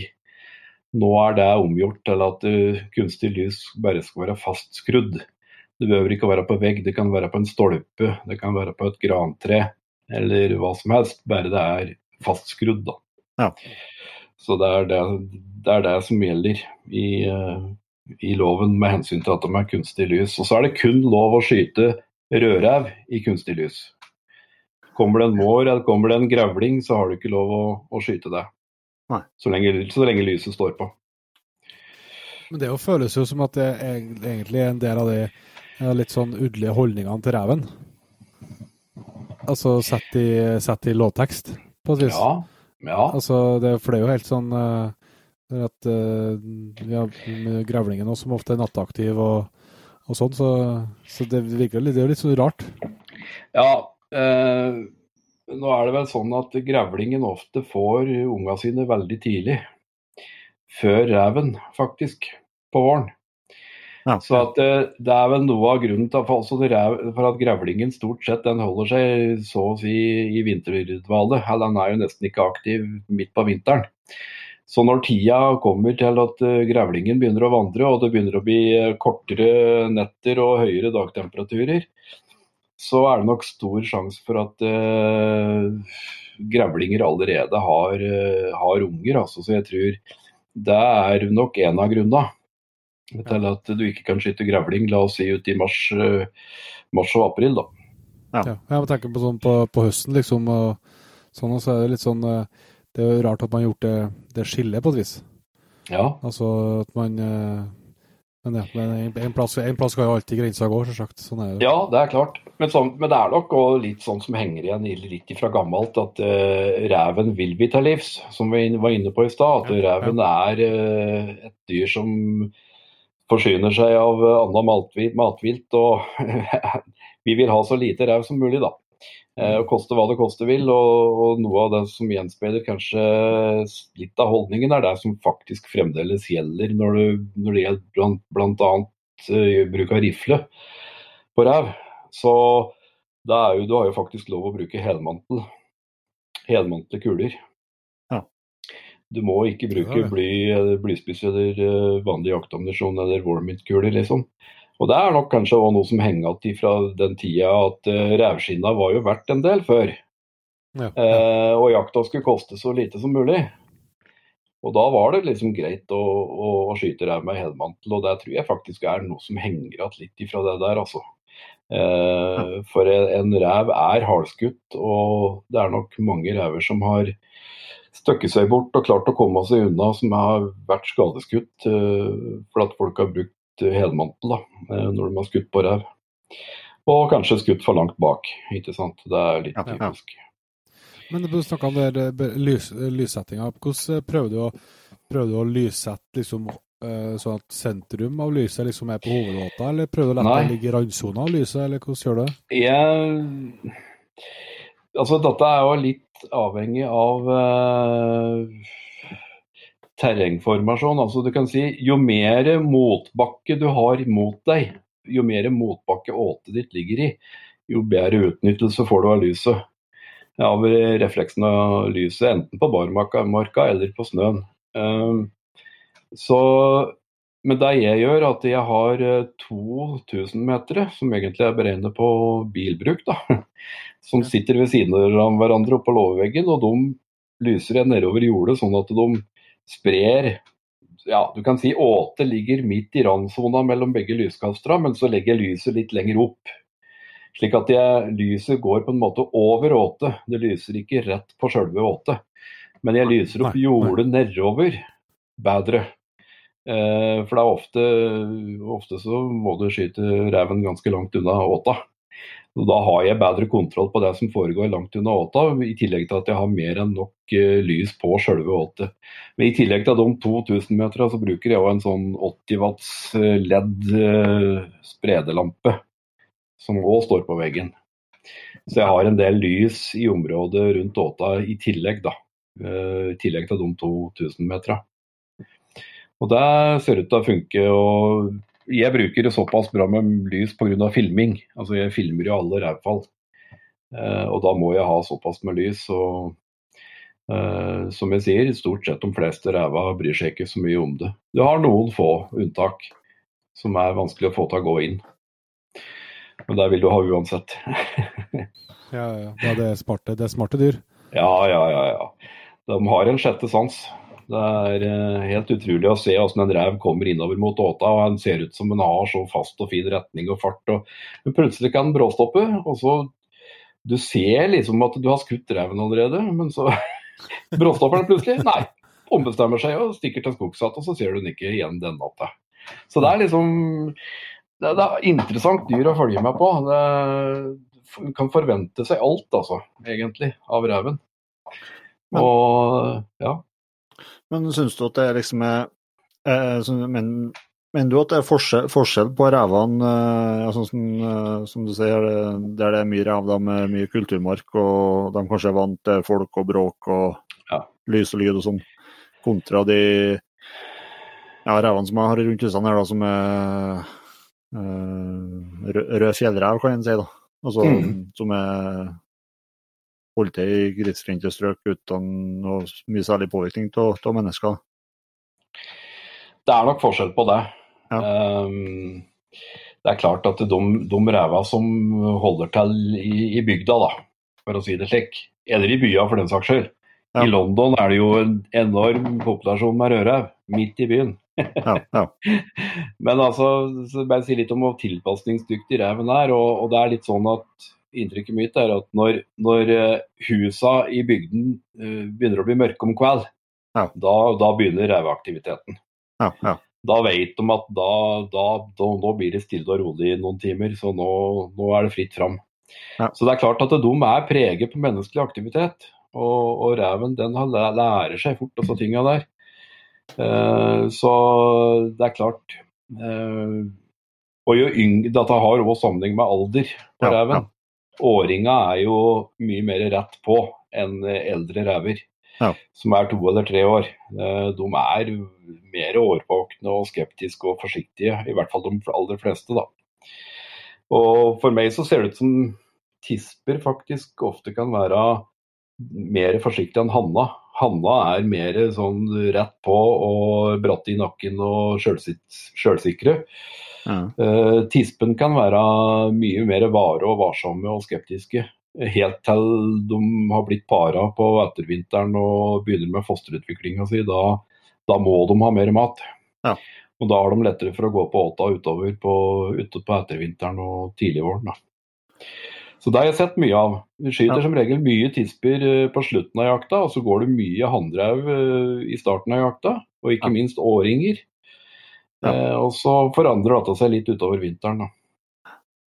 Jeg, jeg, må, jo- jeg må jo si det at øh, ja, her, her hvor jeg bor og har jakta, jakta åte de siste, de siste vintrene, Mm. så jeg syns jo sjøl det kan hende at det er bare innbilning òg, men øh, for at jeg skulle få føle at jeg hadde valuta for pengene. Men klart jeg, bor jo på en gård som ligger for, så har, har jo innmark rundt gården, men det er jo ikke øh, det er, Jeg ser jo på det som, øh, som på ræva som er vant som ikke er vant til mye aktivitet og folk, da, som, som kommer innom båtene mine. og Jeg må si jeg merka det om jeg hadde, hadde vanlig hvitt lys stående på før hver natt. Mm. Mm. Så syns jeg det kom inn mer rev på åte når jeg gikk over til, til det her eh, grønne åtebelysninga Ja, som farges ja, med, det- med, med dimming og fotocell på. Ja, ikke sant? Det kan jeg godt skjønne. For det er re- reven i bygda som eh, er vant til mye kunstig lys, og ikke minst gatelys og mye forskjellig ellers, de er mer vant til det blanke lyset. Ja. Eh, helt klart. Så det tror jeg har en sammenheng. Det som jeg syns er, er, vanskelig med det, i det grunnlyset, det er, det er rett og slett å klare å, å skjelle ut reven. Det er veldig vanskelig å se kontrastene. Mm. Det er, vet du, jeg, jeg har, eh, det er jeg enig. Jeg har, jeg har ikke brukt uh, grønt lys sjøl, men jeg har vært med en del jegere nå de siste par åra og filma åtejakta deres. Ja. Og de, eh, der har det blitt brukt grønt lys, og der uh, må jeg si meg enig. At uh, jeg òg sliter mer med det grønnlyset. At jeg må ha full visuell kont kontroll da, med Ja, ja. området som er opplyst. Det er lettere for en rev å stikke seg bort i det grønne lyset enn i det blanke. Helt klart. Helt klart. I hvert fall i mine øyne, da. Ja, men det det, er samme til meg. Ofte ser, ser bare, ser, du ser bare skyggene til reven, men du, du, du klarer ikke å se Du ser bare at det er noe som beveger seg, men du Ja. Ja, det, det er vanskelig å beskrive, men jeg syns det er vær, i det grønne lyset, altså. Ja. Neida, så noen av dem som jeg har vært med og filma de siste åra nå, de, de har eh, i ren høflighet for at jeg skal komme og være med dem, så har de gått over til blankt lys. Ja, ja. For at da blir det mye bedre opptak. Mye finere Ja, ja, ja. filmopptak. ja, ja, ja. Og det har funka bra. Må, må du slenge inn det når vi, vi har snakka litt om film både hit og dit nå, Gordon, men det anbefales nå virkelig for alle som eh, enten både er ivrige og rutinerte åtejegere, eller eh, for noen som eh, vurderer å, å sjekke ut eh, filmene du har laga. Altså, for det, det, det er veldig mye fin jakt på dem. Ja, det er, eh, det er Det har blitt mye bra, jeg må innrømme det. Det har det. Og eh, så er det Det er ikke bare det med å vise jakta, men det er klart jeg er jo òg veldig opptatt av at det har med kunnskapsformidling. Så jeg legger stor vekt på det i filmer jeg gir ut, at folk skal ikke bare oppleve jakt. Altså, det, det er greit med litt sirkus, men det skal være litt brød òg, for å si det på den måten. Eh, så jeg, jeg, Det er liksom en av brannfaklene mine, at, at det her med kunnskapsformidling, det, det må til, altså. eh, I, i uh, jegerstanden. Det er ikke det jeg mener at jegerstanden i Norge er dårlig, slettes ikke. Men økt kunnskap er uansett god kunnskap Ja, for det vi holder på med. Og, og ikke minst med hensyn til eh, ja, både jaktetikk, moral, ikke minst om kunnskap om dyr, litt om økologi og hele den biten, er eh, kunnskap som er god å ha med seg i det moderne samfunnet vi lever i i dag. Ja, ja, ja. Alt er så gjennomsiktig, og folk, ja, alt kan legges ut på nett. ikke sant? Og det er nok av folk som eh, ikke syns at eh, jakt har livets rett. Og da bør vi i hvert fall ha ja, kunnskap å vise til. Eh, når det gjelder uh, framtida, tror jeg det er veldig viktig. altså. At, uh, jo, jo, mer kunnskap jegere har, jo bedre er det. Helt enig. Men vi, var, du, vi har snakka litt om, om hvor, ja, hva du kan ha på åte, og hvilke områder som kan være spennende å prøve, og etter hvert litt lys her. Men, men, hvis du skal ta oss litt inn i, inn i bua eller åte, så der du setter hvordan Hvis du skal gi noen tips til, til den som kan tenke seg å begynne der, altså det fins det ja. alt ifra folk også ligger og sover i senga, ha en uh, alarm skal jeg si, til, til, at man sitter som du sier natt etter natt uh, gjennom hele vinteren? Sitte og glåmer ut gjennom vinduet som en torsk i akvariet i Bergen. Nei da, altså tip, tipset mitt for folk som skal begynne med jakt, er ut ifra det, det er det jeg sa om at å finne en plass der det er bra med revtrafikk. Eh, når det gjelder selve jaktplassen, så er det en fordel å, å ha, jakte på en plass som er litt oversiktlig. Det Der du gjerne òg sitter en del i overhøyde. Da har du mye bedre kontroll på både hva som skjer i, på marka i jaktområdet ditt. Uh, jo tidligere du oppdager reven, jo større muligheter har du for å forberede et godt skudd. Uh, og så er det dette med at jo høyere du sitter, jo mindre sjanse er det for å bli oppdaga av reven.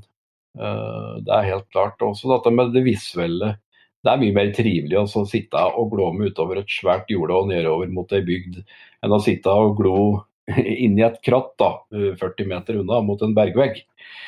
Det er, så, så, det er litt òg at om man holder ut på post, så er det at du har eh, noe å kikke på. Det tror jeg er eh, veldig viktig. Og, og, ikke minst ha eh, installert det sånn at du har god skytestøtte når reven kommer. Det er ikke nok å bare legge eh, fortreet i karmen på et vindu og, og, eh, og, og skyte et godt skudd. Du bør òg ha f.eks. et bol foran gluggen, slik at du f.eks. kan ha albuestøtte på begge armene i tillegg. Så du får sånn trepunktstøtte. Da har du mye bedre mulighet for å avgi gode og sikre skudd på ræv. Altså. Ja. Så, og, og installere seg slik at du du har en gluggeåpning som går innover òg, er litt viktig, i bua, så den ikke går utover. Som plutselig blåser opp når du prøver å åpne den, som slår i veggen, eller eh, lettere for at du, at du får lysreflekser i glasset, som reven kan se. Så det er liksom en fordel. Da har du mer kontroll hvis gluggen går innover. Eh, og sitte godt, så klart. Eh, og ha installert seg sånn at når reven kommer og du har skuddmuligheter, at du, at du sitter stødig og godt og at du har full kontroll. da. Så du prøver å finne balansen på et eller annet når reven plutselig dukker opp. Så å forberede selve skuddsekvensen, eh, selve skuddet, er nok viktig å ha i bakhuet når en skal eh, installere seg på en sånn plass. da. Ja. Så skytes... Så du har, du har et, et vindu som du åpner når du skal ja. skyte. Så du, du setter børsa, børsa, inn i bua, og så tar du den ja. ut når Ja. Og dette er så innarbeidet gjennom årevis at eh, Og i tillegg så styrer jeg to kameraer, da. Eh, ja, ikke sant. Og, og, og, og, eh, det er klart at nå har jeg drevet så lenge med dette her at det er godt ren automatikk i det. Og det er millimeterpresisjon da, på alt jeg har inni bua. Jeg vet akkurat hvor alt er. og det er så inn og innarbeida at jeg tenker nesten ikke over det lenger. Men, men men eh, det som òg går an, er å ha ei sånn, kaller det halvglugge, med, der du faktisk Det er noen som har begynt å bruke tjukk skumgummi i halve glugga, så rifla står ute gjennom ja, skumgummien med, med, et vindu ved siden av, slik at du har muligheten for å ha full kontroll visuelt, samtidig som børsa faktisk står klar altså, til, å, til å avfyres. Ja da slipper du da sparer du mange sekunder, og du slipper å kanskje skremme reven. ikke sant? Og dulte borti et eller annet, eller en termos som velter. og Det er mye som kan skje i nattemørket. Ja, ja, ja.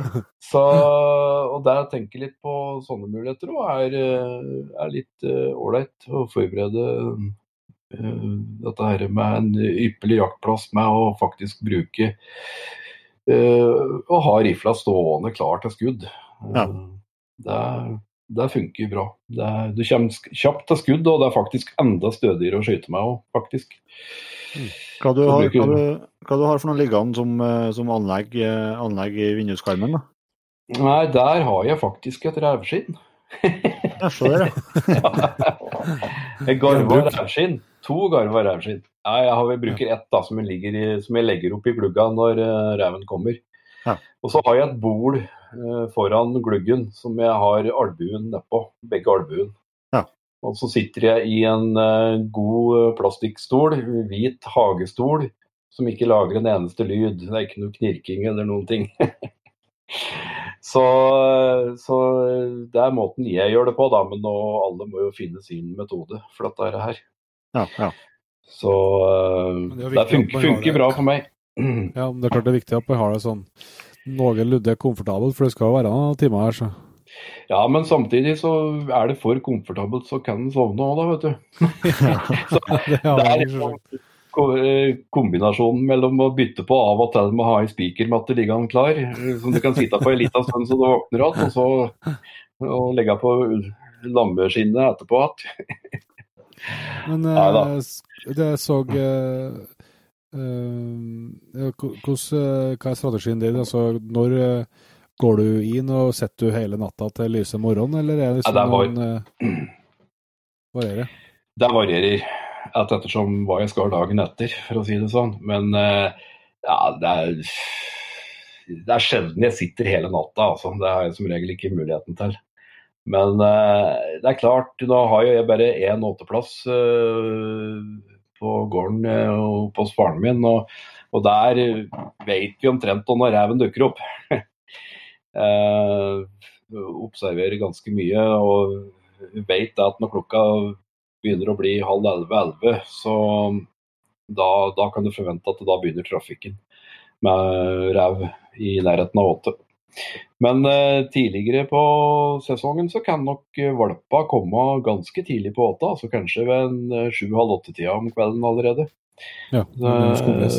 Ja, eh, like etter det. Så det er ikke noe fasitsvar der, men jeg tror uh, mye av svaret ligger i hvor langt er det fra dagleia til reven. Eh, hvor langt er det i, fra Storskog? Det er òg kanskje en faktor som spiller inn litt her, da. At jo lenger eh, inn i bygda du er, jo kanskje jo senere kommer reven. For at han vil ikke begynne å stikke seg fram før godt etter det er mørkt. Og da bruker han litt lengre tid på å komme seg til et åte. Hvis han har dagleie da i, inn i mer Storskog et stykke unna bygda. Så dette vil nok variere litt. Ja. Ja. Så det er, men dette er ikke noe fasitsvar på. Det er, reven kan egentlig komme på åta ifra det begynner å mørkne til det nesten er lyst igjen om morgenen. Altså. Så det er, ræva er forskjellige der òg.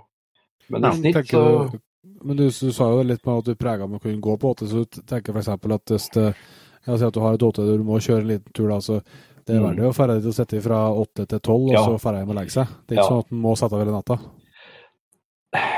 Nei, altså hvis du skal jakte på i, øde områder, da, for å kalle det det, så er det klart at eh, når det første er der da, så vil du som regel jakte ei stund. Eh, du Ja, drar ikke ja. inn der for å sitte en og en halv time. Eh, for der i sånne områder òg, så har reven mye mer kontroll på alt som er av menneskelig aktivitet. Og jo lenger du sitter der da, jo større er sjansen for at det vil dukke opp en rev som du kanskje får en skuddmulighet på. Eh, og det Når det gjelder jakt på sånne kaller det øde områder, la oss si på ei hytte langt unna bygda, langt inn på skogen, da, så er det nok lurt å tenke litt sånn at når du først skal dit og jakte, så må du belage deg på å være der en stund. Eh, du kan jo være heldig der òg, men eh, i snitt så er det nok sånn, altså. Jeg hadde erfaringer med det sjøl. Jakta på ei hytte langt inne i åsen på et tjern. og Åte ute på et tjern, satt i ei lita tømmerkoie. Og eh, det var jo veldig lite rev inni der, det var én ting. Det tok to og en halv måned før det var noe rev som oppdaga åta mi innpå der. Og da legger jeg adkomstveien min slik at jeg ser adkomstveien fra glugga. Ja. For det reven ofte gjør inni sånne områder, det er at den ringer området først for å sjekke at kysten er klar. Eller for å se om det er noe skummelt. Eh, så når jeg jakter f.eks. inn på den koia inn på åsen der, så, så vil jeg se reven når den begynner å ringe området i nærheten av hytta. Eh, hvis jeg hadde gått inn i hytta bakveien, så hadde vi aldri kunnet se reven, da. Hvis den hadde blitt skeptisk og ikke ville på åta pga. at det var noen ferske skispor. Men da har jeg f.eks. lagt skisporet mitt sånn at jeg har kontroll på skisporet, i hvert fall innafor riflehold. Så hvis reven ringer området eh, rundt åta og hytta, så, så, vil jeg ha skuddmulighet på reven eh, når den sjekker innsporet mitt. Det ville jeg ikke hatt hvis den, hvis den, hadde kommet inn bak. Hvis jeg hadde gått inn bakveien, da, hadde jeg hatt en annen adkomstvei til hytta, så ville reven ha oppdaget sporene mine f.eks., og så ville den ha stukket av og aldri vist seg i nærheten av åta. Så det er jo en sånn liten ting som er litt lur å tenke på hvis en jakter på avsidesliggende områder. At du legg, legg adkomstveien din gjerne i nærheten av åta, men slik at du har kontroll på den ifra glugga der du sitter og jakter. Det, det har jeg hatt suksess med, i hvert fall. Ja.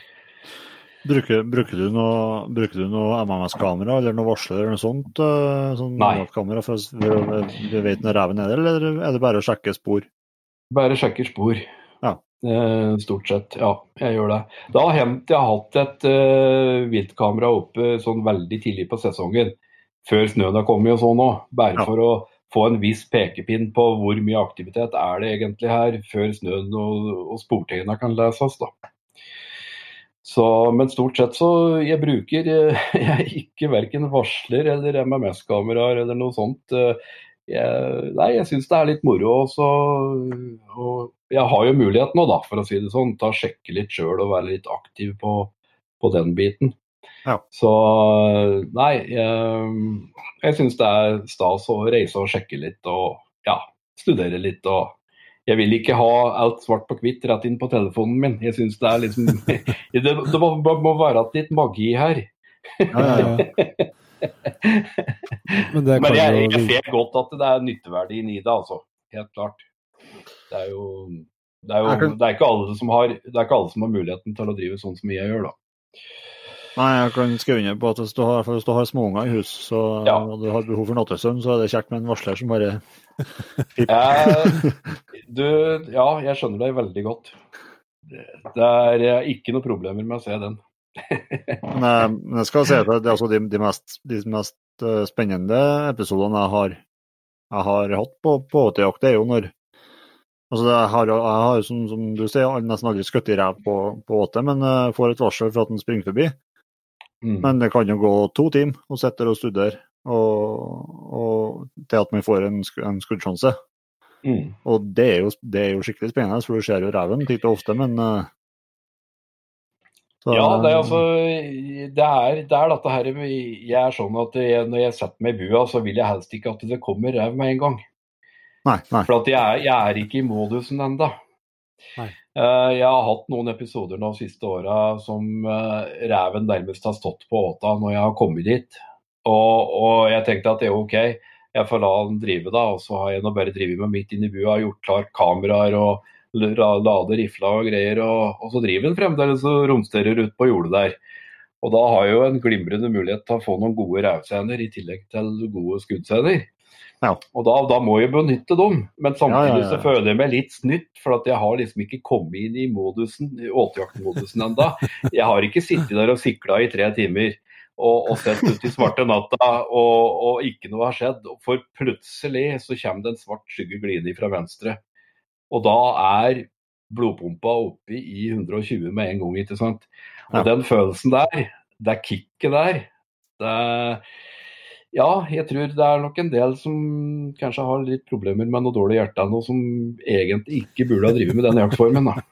For det er, det, er, en brå oppvåkning, for å si det slik. da.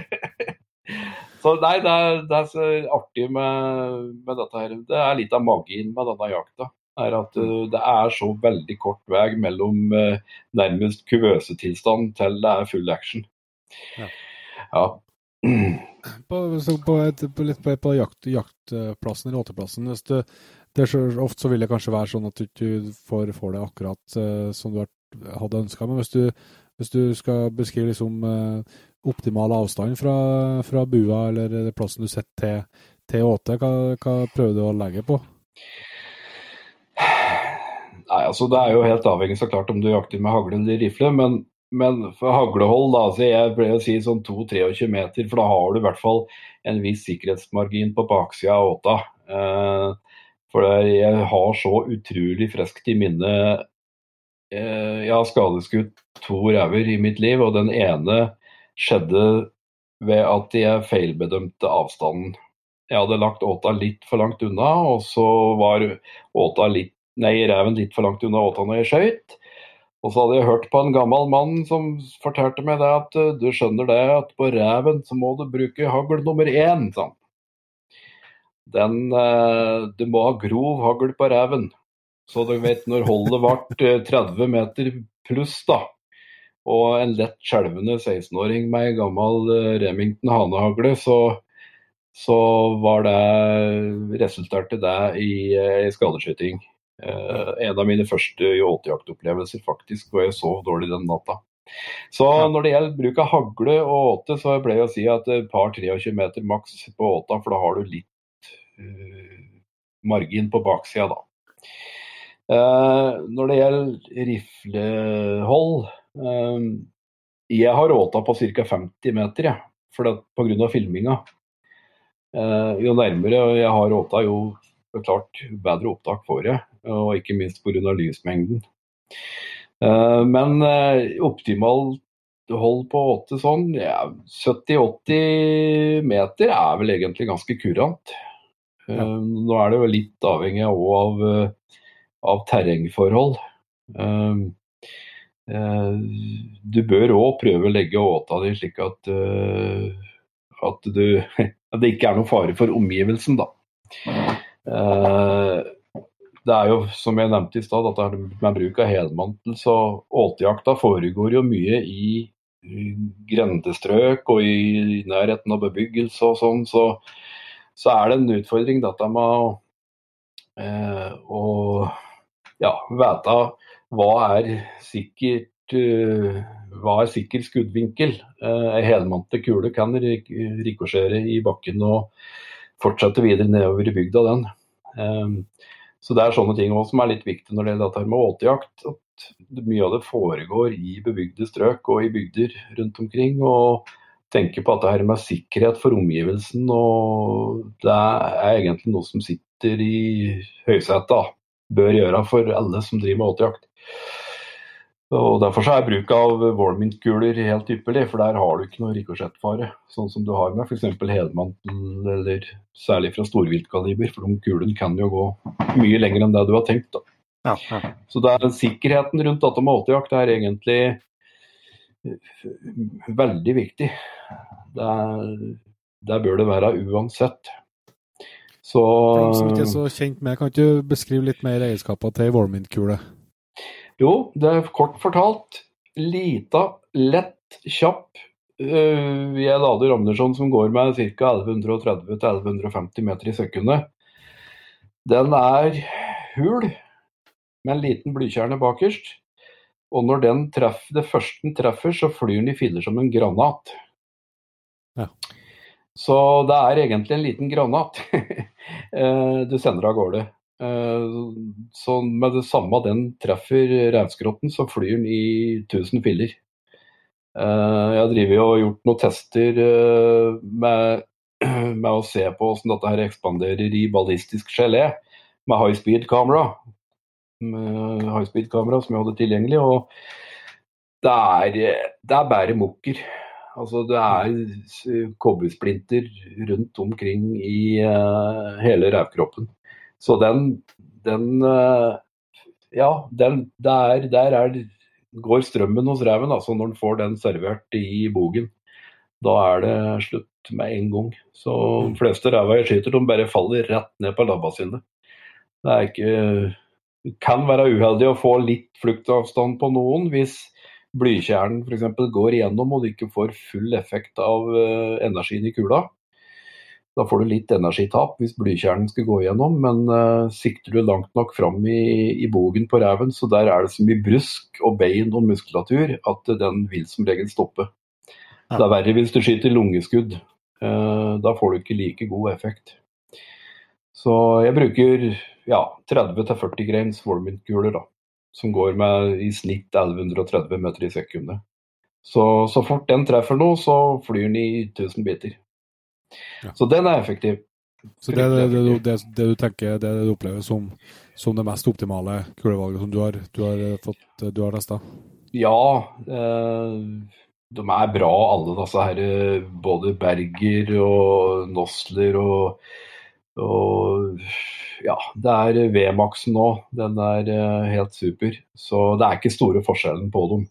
Det, er, eh, det som er mest å si, er at kula sitter der hun skal. Det er mange har lett for når det gjelder å skyte ræv med rifle, at de skyter litt for langt bak. Folk tenker lungeskudd, men uh, kula bør sitte midt i bogen, rett opp for frambeina og midt i kroppen på den.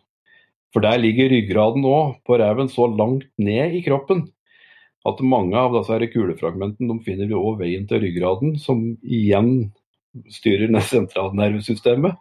Ja. Eh, og du får en kortslutning, rett og slett. altså. Ja, det blir bråstopp. Ja. Men du sa du hadde slutta med hagestørrelse 1, da? ja, det er eh, Ja, jeg vet at den historia den tenker jeg på fortsatt en dag i dag. Eh, det er eh, Du bør nok ha litt bedre dekning skudd, skuddbilde på haglsvermen ja. enn du får på 35 meter med hagle nummer én. Altså. Sjøl om det var full trangboring på den hagla. Og, og når reven sto litt skrått da, i tillegg og hadde ikke full breiside, så er det klart at uh, det er sånne ting du husker, altså. Det, det er, men alle som driver med jakt, har vel vært borti lignende hendelser, tenker jeg. Særlig i starten av karrieren. og ja, det er sånn som da jeg vokste opp, så det var litt sånn learning by doing. Og dette her var jo på, på, på 70-tallet, ikke sant. Eh, og det var ikke kanskje like mye god opplæring og informasjon som det er i dag. Men hva du, hva du anbefaler til dem som eh, skal bruke hegla på båter? Vet du hva, at nå er det så lenge siden jeg har skutt rev med hagle på åte at eh, eh, Nei, men altså det må ikke nødvendigvis være disse magnumpatroner. For dette, de ser ofte at de gir et mer ujevnt skuddbilde i haglsvermen enn vanlig, en vanlig patroner gjør. Eh, Tretomspatroner, altså. Eh, 76 mm. De har ofte litt dårligere skudddekning enn det ordinære patroner har. Så, men altså treer Eh, haglstørrelse 3 er vel eh, mange som bruker eh, på reven. Så, men nå har jeg så lite erfaring med dette her med bruk av hagle, og det er jo kommet ja, flere typer hagle etter hvert. og uh, Jeg har ikke drevet med det på lenge, så jeg tør liksom ikke å, å komme med noe fasitsvar der. Altså. Men det viktigste er at det er Det jeg heller vil si, er at prøve teste hagla på den avstanden du skal skyte reven på. Sett opp i pappskivene ved åta og tegne en uh, rev med tusj, og så prøve å fyre av og se hvordan skuddbildet er på haglsvermen. Mm. Det er vel egentlig det jeg vil anbefale. Ja, jeg har, jeg har sjøl gått over til å bruke uh, I vinter brukte jeg hagl ja, nummer ja, tre, og fire, tre og mest fire, faktisk. Mm. Uh, på reven. Jeg tenker at det er viktigere å få mye bly som treffer, enn at du får, som du sier, bredt så, så bredt skuddbilde at, at, du har det så grovt hagl, så, så vil du ja, Mest sannsynlig kan du skjøte uten å treffe noe, men at du får noen få hagl til, så han blir, blir skadd. da. Ja, Nei da, eh, Jeg tror nok det er eh, haglstørrelse 3 på normalt haglehold. Med, så lenge du ikke har åpen sylinder, så, så, tror jeg det skal gi knall og fall. Altså hvis ikke ja, du overstiger ja. 5-6-27 meter. Mm. Så Men eh, jeg, jeg, glemmer ikke han gamle karen som jeg, jeg solgte meg ammunisjon i en sportsforretning nede i Gjøvik her. Han, han satte på seg så er det hornbrillene sine, og så så han stramt på meg, og så sa han du skjønner det, sånn. Reven, den er halvskutt inn, så du må ha den grøvste hagla. han. så det, det, er, det, er, sånn du ikke glemmer. Og, og han var nok ikke noe jeger sjøl, men dette var jo noe han hadde hørt da, sikkert av andre. Ja, ikke sant? Så, ja. Men over på, over på, på rifla igjen, da. Det, klart kaliber og sånt er en ting, men uh, optikk? Ja, på på den rævrifla mi så har jeg en uh, doktor, uh, Unipoint. Uh, en 3 til 12 ganger 56. Ja.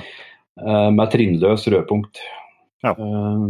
veldig kjekt under forskjellige lysforhold. Nå har jeg stort sett bare ett lysforhold på åta mi nå, i og med at jeg filmer så mye.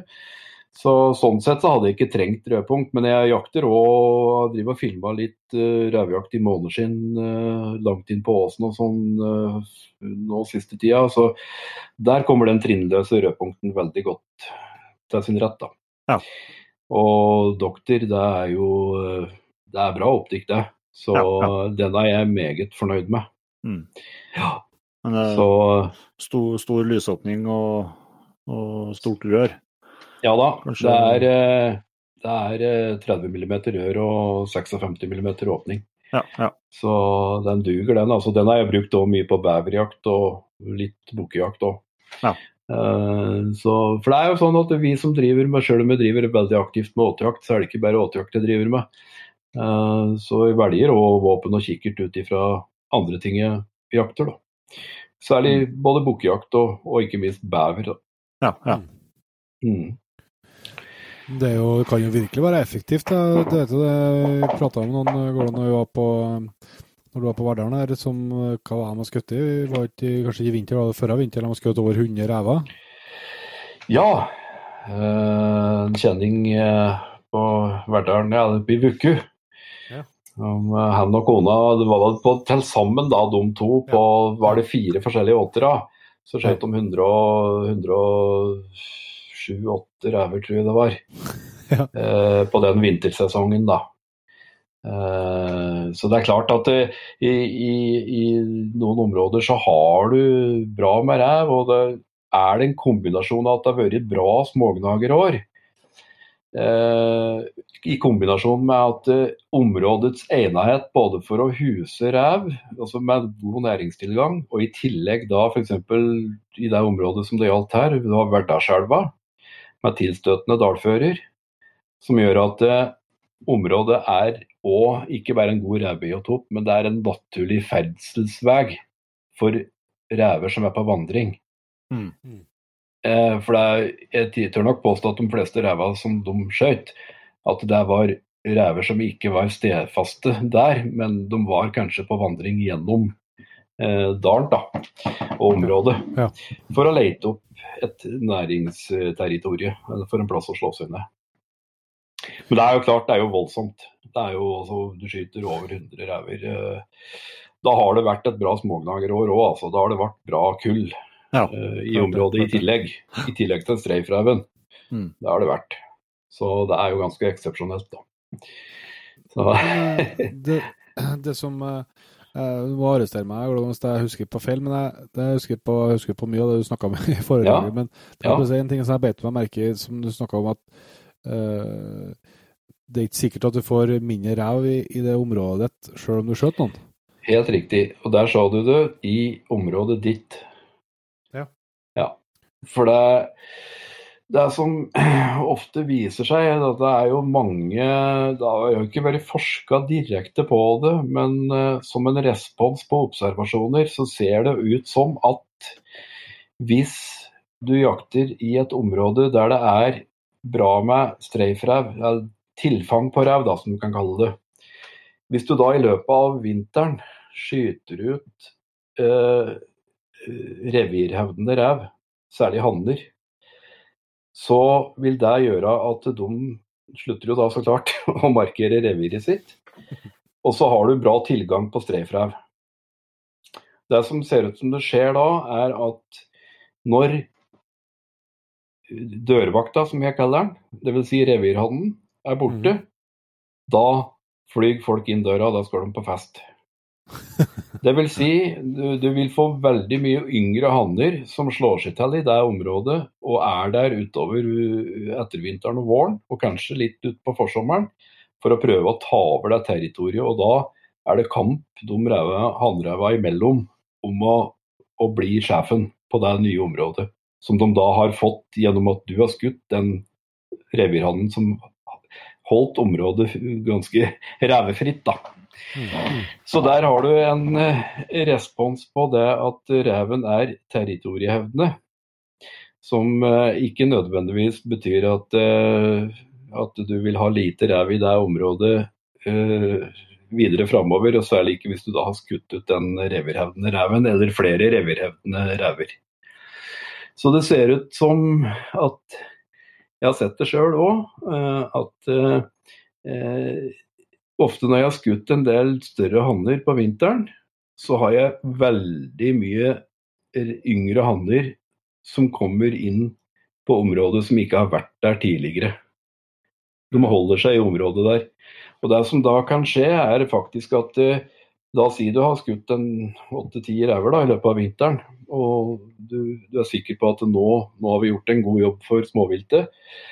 Så har du bra tilfang på rev, så ser det ut som at da resultatet du sitter med, at du har mer rev der under yngletida til småviltet ellers.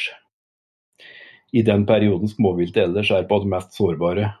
Mm. Og da, da, kan du faktisk få en dette, Men nå snakker vi om lokalt. Ja, ja, ja. Hvis området er veldig egnet som revbiotop, og du har god trøkk, tilfang på rev gjennom det området, så er det faktisk det kan faktisk skje at du har mer rev i området ditt på våren enn det du hadde på, på høsten og, og vinteren. Ja. Hvis du skyter ut revirhevdende hanner. Så jeg pleier å si at når dørvakta forsvinner, da er det fritt fram. Ja. Så, så, men det er klart, ser du det i et større perspektiv da, geografisk, så, så, vil du nok Det er klart, det blir jo mindre rev i Norge. Når vi skyter en eh, 20 000 rev i året, så blir det jo 20 000 rev mindre. Ja. Men, men lokalt eh, pga. at de er revirhevdende, så kan du få en helt annen effekt hvis du har bra med tilfang på rev. Ja. Så um, det er ikke nødvendigvis sånn at, uh, at uh, de reva som henger på, på bua mi uh, på, når det begynner å nærme seg ettervinteren, at, at jeg kan telle overlevende skogsfuglkyllinger eller rådyrkje. da, på dem jeg, som henger der. For at i mellomtida så har det kommet inn nye røver. Mm. Og i et større antall enn det som tidligere var der. Så det er noen, eh, det er noen mekanismer her eh, som kan slå litt skakt ut i forhold til det vi tror, da. Det som, eh, det som er liksom allment godkjent. Eh, men det er nok lurt å ha det litt i baktanken. At, uh, ha det i bakhuet at uh, vi får nødvendigvis ikke den lokale effekten bestandig eh, av at det her med at det skytes ut en del rev. Vi kan oppleve det motsatte. Ja. Veldig interessant det, altså. Men, eh... ja, for det, jeg glemte å si, jeg har jobba en del sammen med en, uh, Morten Kråbøl, en biolog som uh, meget ivrig revjeger. Han har drevet og forska en del på rev òg, når han jobba i Nina bl.a. Og han uh, hadde to-tre år som han gjorde forsøk med dette her, for han, uh, han var langtidssjukmeldt. Så han kunne ikke jakte. Han klarte ikke å jakte rev, men han fikk noen til å legge ut åte for seg. Og de vintra som han ikke skøyt ut noen rever, dette her var like i nærheten av Lillehammer, så, så oppdaga han det at uh, de vintra som han ikke jakta rev, så var det omtrent eh, like mye ræv på åta som hele tida. Det han så når han hadde skutt ut mye ræv, var at jo lenger utover ettervinteren og mot våren du kom, jo mer ræv ble observert på åta utover våren. Ja. Så for han gjorde et forsøk på data som gikk over Det var i hvert fall to vintre da, som han ikke, ikke skjøt noe ræv, men bare fòre. Og Da så han ikke så mye rev på ettervinteren eh, som han gjorde når han hadde skutt ut en del, eh, og særlig litt større hanner. Det samme har jeg sett sjøl. At, eh, at, det ser faktisk ut som at når dørvakta blir borte, så røster inn. og helst på den tida vi ikke vil ha mye rødrev i området vårt. Da. Ja, ja. Men så du som har skutt i mye rev, hvordan er det kjenner det var jeger under noen som hadde mellom var det ennå, men hadde sånn tyngste, tyngste rev, konkurranse på det. Hva er, det, hva er den største reven du har vært med på? Og hva, hvordan, jo, der, der kan jeg for altså, Jeg er ikke noe sånn Jeg har ikke skutt enorme mengder rev. Jeg har skutt ja, Det hadde passert 300, men, men jeg har, i vinter så skjøt jeg første, min første rev som var over 10 kilo. Jaha. Eh, det var en hann som så vidt bikka 10 kilo. og Den ligger i fryseren nå for utstopping. Eh, så du kan si at det er sjeldent da, at du, i hvert fall i mine områder, kommer innom rever som uh, veier tosifre antall kilo. Den forrige store jeg skjøt, den veide 9,7, og det var i 2000, tror jeg. Ja, men den største ja. ja, så det er langt imellom de store. De fleste ræva de veier mellom 5,5 og 7 kilo. Uh, så den største som er felt i Norge, jeg bare lurer på om den var ener i Rakkestad som skjøt en uh, som veide 15,4, 15, var det det? Og det var attpåtil så var det ei tispe. Det er som regel, ja, det, en Thorvaldsen, tror jeg han het, nede fra Rakkestad. Han skøyt ei tispe på jeg tror det var 15,4 kilo. Ja. Det er en del år siden. Så det er sjelden ei tispe veier mer enn 7-7,5 kilo, men denne veide det dobbelte. altså. Ja. Så hva den hadde spist, eh, om det var genmanipulert kylling, eh, det aner jeg ikke. Men, eh, men, et eller annet mystisk var det i hvert fall. Jeg har sett bilder av noen greier, og det var godkjent eh, vekt hos nærmeste politikammer og alt det, så det var nok, stemte nok det, altså. Ja. Er det noe, er det noe forskjell på som du synes er de i fjellrevet? Så er det noe forskjell sånn på vis, eller er de igjen på andre plasser i ulike plasser i landet? Det er jo snakk om på, på en del andre arter, i hvert fall. Nei, altså Inntrykket mitt er at de største ræva blir skutt i forholdsvis urbane områder. Ja, der næringstilgangen er god. Ja, det er lite jobb for å fylle ja, magen. Helt riktig. Uh, og inn på Storskog, inn, langt inn på fjellet, så er nok ræva mer sånn De er jevne i snittstørrelse, da. Uh, de, de, er på mellom uh, 5,5 og 6,5, kanskje 27 kilo, da. Men nede i bygden så kan du fort uh, få rev på 8 og 9 kilo. kan det. Så det, det, har nok en viss sammenheng med tilgang på næring og forbruk av energi, ja. Mm. Det har det.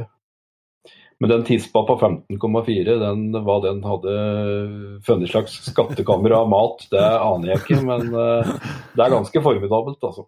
Ja, da, da så nesten at du, du blir usikker til om etter du har skutt om det her, her faktisk stemmer. Ja. Det er liksom nesten så mulig på er den rød, liksom? Han er ikke grå. Nei da. Nei, men, nå har vi eh, vært innom eh, både litt eh, ja, om biologi når vi har snakka om områder og hvordan du kan legge til rette jaktplass og åteplass og hva som er lov og ikke lov. og, og litt våpen og litt kuler og krutt og, og ganske mye som bør være gode tips hvis det er å lykkes på, som åtejeger. Er det noe, er det noe mer på du tenker at vi, vi, skulle ha sagt litt om, eh, Gordon, eller tror du vi har begynt å dekke det opp? Nei, altså, ja, nei, jeg tenker på Vi snakka så vidt i, litt i starten her om ja, er jaktressursen som rødreven representerer. Eh, og, og, noe av eh, det jeg òg syns er moro, er å, å, få ungdommer og nye jegere interessert i jakt. Mm. For gjennom jakt så lærer de mer om natur, og de ja, du, du, får en økt interesse generelt for naturen. Ja. Eh, indirekte. Eh, og når det gjelder akkurat det, så Dette her med ressursutnyttelsen av rev. altså Jakta i seg sjøl er jo på og reven er jo en ressurs, jaktressurs, men i tillegg så fantastisk flotte skinn. Ja. Som òg eh, er mulighet for å ta vare på for enten pynt eller å bruke til litt klær og sånne ting. Eh, så jeg driver òg med en film om ivaretakelse av revskinn, der det er hele pakka fra flåing og, og skraping til garving og, og litt om sying av klær og noen tips og sånt der, da.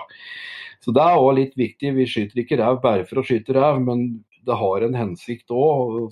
Ressursen i seg sjøl, den ressursen som et revskinn eller et knippe med revskinn representerer, det er en fantastisk naturressurs som vi, vi, vi må ta vare på. Um, så det er hvordan berger du skinnene med Hvordan blir skinnene seende ut med varmyntkula? Stort sett bare et lite, knapp, lite høl inn, ja. og det er det. Det hender et lite fragment kanskje kan gå igjennom, men det det er ikke så ofte det skjer, da. Ja, så, Kula går inn, og så eksploderer alt innvendig? Ja, ja. ja. Det er som en granat. Ja, så, men det er klart, på mindre rever så kan du oppleve at de faktisk sprekker i buken. Ja. For at det, eh, det som skjer når en sånn kule treffer en rev, er at den blåses opp som en ballong pga. trøkket. Og Det var ikke jeg klar over før vi testa dette med high speed-kamera for noen år siden. Og så hvordan den ballistiske geleen reagerte. og Den blåste seg opp som bare det. Du ser jo ikke det med det blotte øyet. Men da skjønte jeg plutselig hvorfor du får en del sånne merkelige skinnskader av og til da, med bruk av sånn varmyntammunisjon. Og det er fordi at eh, du får ikke noe utgangshull, du får ikke noe utligning av energien på andre sida av reven. Og da blåses reven rett og slett opp, og under buken så er jo revskinnet veldig tynt. Og der har den da lett for å sprekke. Og da kan det se ut som et stort utgangshull, men det er som regel så er det pga. at eh, Eh, skinnet har sprukket pga. at reven får så mye energi servert at den blåses opp som en ballong helt til den sprekker. Ja. Det er jo ikke synlig med det blotte øyet, men eh, med 20 000 bilder i sekundet så så vi det. Mm. Ja. Nei da, så den ressursbiten og, og, den biten med at denne jakta er så utrolig tilgjengelig over hele Norge, fra sjø til fjell, Eh, det krever grunneiers tillatelse. Eh, det er altså en jaktform som egner seg helt ypperlig for ungdom. Eh, det er ikke sikkert det er dumt for ungdommer også å prøve å sitte stille noen timer og se ut i svarte natta, i stedet for å sitte og se ned i helt noe annet. Så det, det, det er i hvert fall en glimrende jaktform å ha med seg ungdommer på. Så å få kanskje få ja, lære litt og ha dem med litt kanskje på forberedelser til jakta og sånn. Ja. Det, det, er gull verdt. Ikke bare at de skal skyte en rev, men at de òg er med litt på å få forklart hva, hva er dette, hvorfor gjør vi det, og, og, og få oppleve litt av dette her med å legge ned litt jobb i forberedelsen av jakta er òg viktig. Og premien blir da å få være med og, og skyte en rev, da. Eh, og da tror jeg det er mange som vil eh, bli litt hekta på den jaktformen her, altså. Ja. Det er en fantastisk eh, jaktressurs og en skinnressurs som er vel verdt å ta vare på. Ja, veldig, veldig gode poeng, altså. Ja. For både tilgjengeligheten og også, det er noe når vi det er jo mange av dem som hører på nå, som kan kjenne seg det. Vi fikk jo mye rapporter på det gjennom vinteren her, at uh, Jegerpoden har blitt et populært tilskudd til tåtejegerne uh, som for å kunne ha litt lyd på ørene i gårdene sjøl, men følger med ut i, ja. ut i natta. Helt riktig. Helt riktig. Det, det skal jeg begynne med sjøl òg nå. Ja. Høres bra ut. Du får, du får spare den episoden her til til første dag. Jeg kommer til å sitte og høre på denne episoden her hver natt jeg nå, vet du, utover vinteren. du er sikker på at du husker på alt? Høre på alt tullpratet jeg sa. Nei, men det her har vært veldig, veldig lærerikt, og, og, og her er et sett uh, kommer tipsene tett, altså. Så her tror jeg det er mange som, jeg håper mange som, ja, som kanskje kan utvikle den åtejakta de allerede har, eller kanskje bli, bli nye åtejaktere til sesongen som kommer. Det, for det som du ser, den tilgjengeligheten er, er vanskelig for mange jaktformer å matche. Jeg tror hvis ja, det... du fer rundt og snakker med grunneiere og, og sånt, så, så, er det stor sjanse for at en får, får komme til hvis en har en, har en plass å, å begynne ja. på. Ja, og så lenge folk er ærlige og redelige og beit fram, og, og, gjør jobben òg med å rydde opp etter råtejakta når ja, våren begynner å nærme seg, poeng. Og, og, sørge for å feie for sin egen dør, og, og ha, da får du et godt forhold til grunneiere som gir tillatelse til å jakte rev i området sitt. For de fleste grunneiere syns det er greit, de syns det er fint at det blir jakta noe rev. Det er mange som mister en del lam eh, utover sommeren pga. reven. Og, og, og mange vil også er interessert i å ha kanskje litt mer rådyr eh, i områdene sine. For det er klart, reven tar jo òg en del rådyrkje på forsommeren ute i slåttenger. Mm. Så helt klart, muligheten den er der. Og jeg tror nok det er mange som syns det er eh, grunneiere som syns det er bra at det er folk som vil jakte rev altså rundt omkring. Ja Nei, men da tror jeg vi skal se klokka her. klokka går nå når eh, Ja, det- begynner, begynner praten går, så vi skal begynne å skal prøve å Totninger og, begynne å runde trønd- totninger og trøndere vet du, begynner å skravle. Da, da, da, da, går klokka fort, altså. Ja, Ja, langdryg kombinasjon, ja. altså jeg, som jeg, jeg er sånn sjølutnevnt skaptrønder òg, ja, vet du. ja, ja. Så, så, så da blir det i hvert fall ikke noe bedre. Nei. Men vi har jo noen eh, ja, Som du som hører på til vanlig, så vet vi at vi har noen faste spørsmål eh, som vi bruker å runde av med. Ja, Og der eh, har vi jo den første som er hvis du skal velge bare én jaktform da, resten av livet. Du har jo kanskje allerede nevnt det, at uh, det var en jaktform som ville være både første og siste. Men uh, Ja. den du hadde, hadde gått for? jeg er jo på en måte programforpliktet til å si åtejakt, da. For rev. uh, det er klart, jeg setter jo veldig stor pris på alle andre jaktformer jeg driver med òg, men, men det er klart, åtejakta har en plass i hjertet mitt. altså og jeg, jeg har sagt det etter jeg har skutt store elgokser eller en kudu i Sør-Afrika. Så jo det, jo, det var bra dette, men og nå gleder jeg meg til elgjakta. Nei, til revejakta. Nå vil jeg hjem igjen og på åte. Så ja, nei, jeg må jo si åtejakt, da. Jeg må jo det. Og så, eh, hvis du skal komme, komme med ditt eh, beste jakttips Jo. ehm, forbered deg grundig. Uansett hva slags jaktform du skal drive med. Og gjerne enda flere runder på skytebanen uh, før jakta starter. Og så siste punktet. uh, vær tålmodig. Mm. Ja. Jeg tror tålmodighet uh, er noe som kanskje mange sliter litt med, men dette med å kanskje vente Det er jo ikke alle skudd som blir avfyrt som kanskje skulle vært avfyrt. eh, avfyrt. Og, og eh, dette er bedre også å holde igjen et skudd enn å sende et skudd som du liksom Åh, nå må jeg skyte. Um, der er det noen sånne tanker som surrer i huet ganske fort. Dette her med tålmodig og vente til at den optimale skuddsjansen byr seg. Det, det tror jeg. Det er noe det vi bør tenke på alle sammen. Mm. Det er fort gjort å miste huet litt i jaktsituasjoner. og det er, eh, ting skjer ofte fort, og, og jeg tror at det Ja. Noen, eh, noen kan kanskje bli utålmodig da, i en del jaktsituasjoner, og, og kanskje bør bruke litt mer tålmodighet. Veldig bra. Det, også, som du sier, så er jo tålmodighet kan jo være så mangt. Det er, Ja. nesten, og det er et, et stikkord uansett hvilken hvordan hvordan jaktform det, jaktform det er snakk om, nesten. Så Mm. eh, i ulike fasetter er det et viktig egenskap som uh, jeg gjerne skulle hatt en, Jeg skulle gjerne stått litt lenger fram i køa når den tålmodigheten ble ute etter. Ja. Men, eh, men jeg prøver nå å bli, bli flinkere. Så er det kanskje slik at uh, folk som driver med åtejakt, det er stort sett tålmodige folk.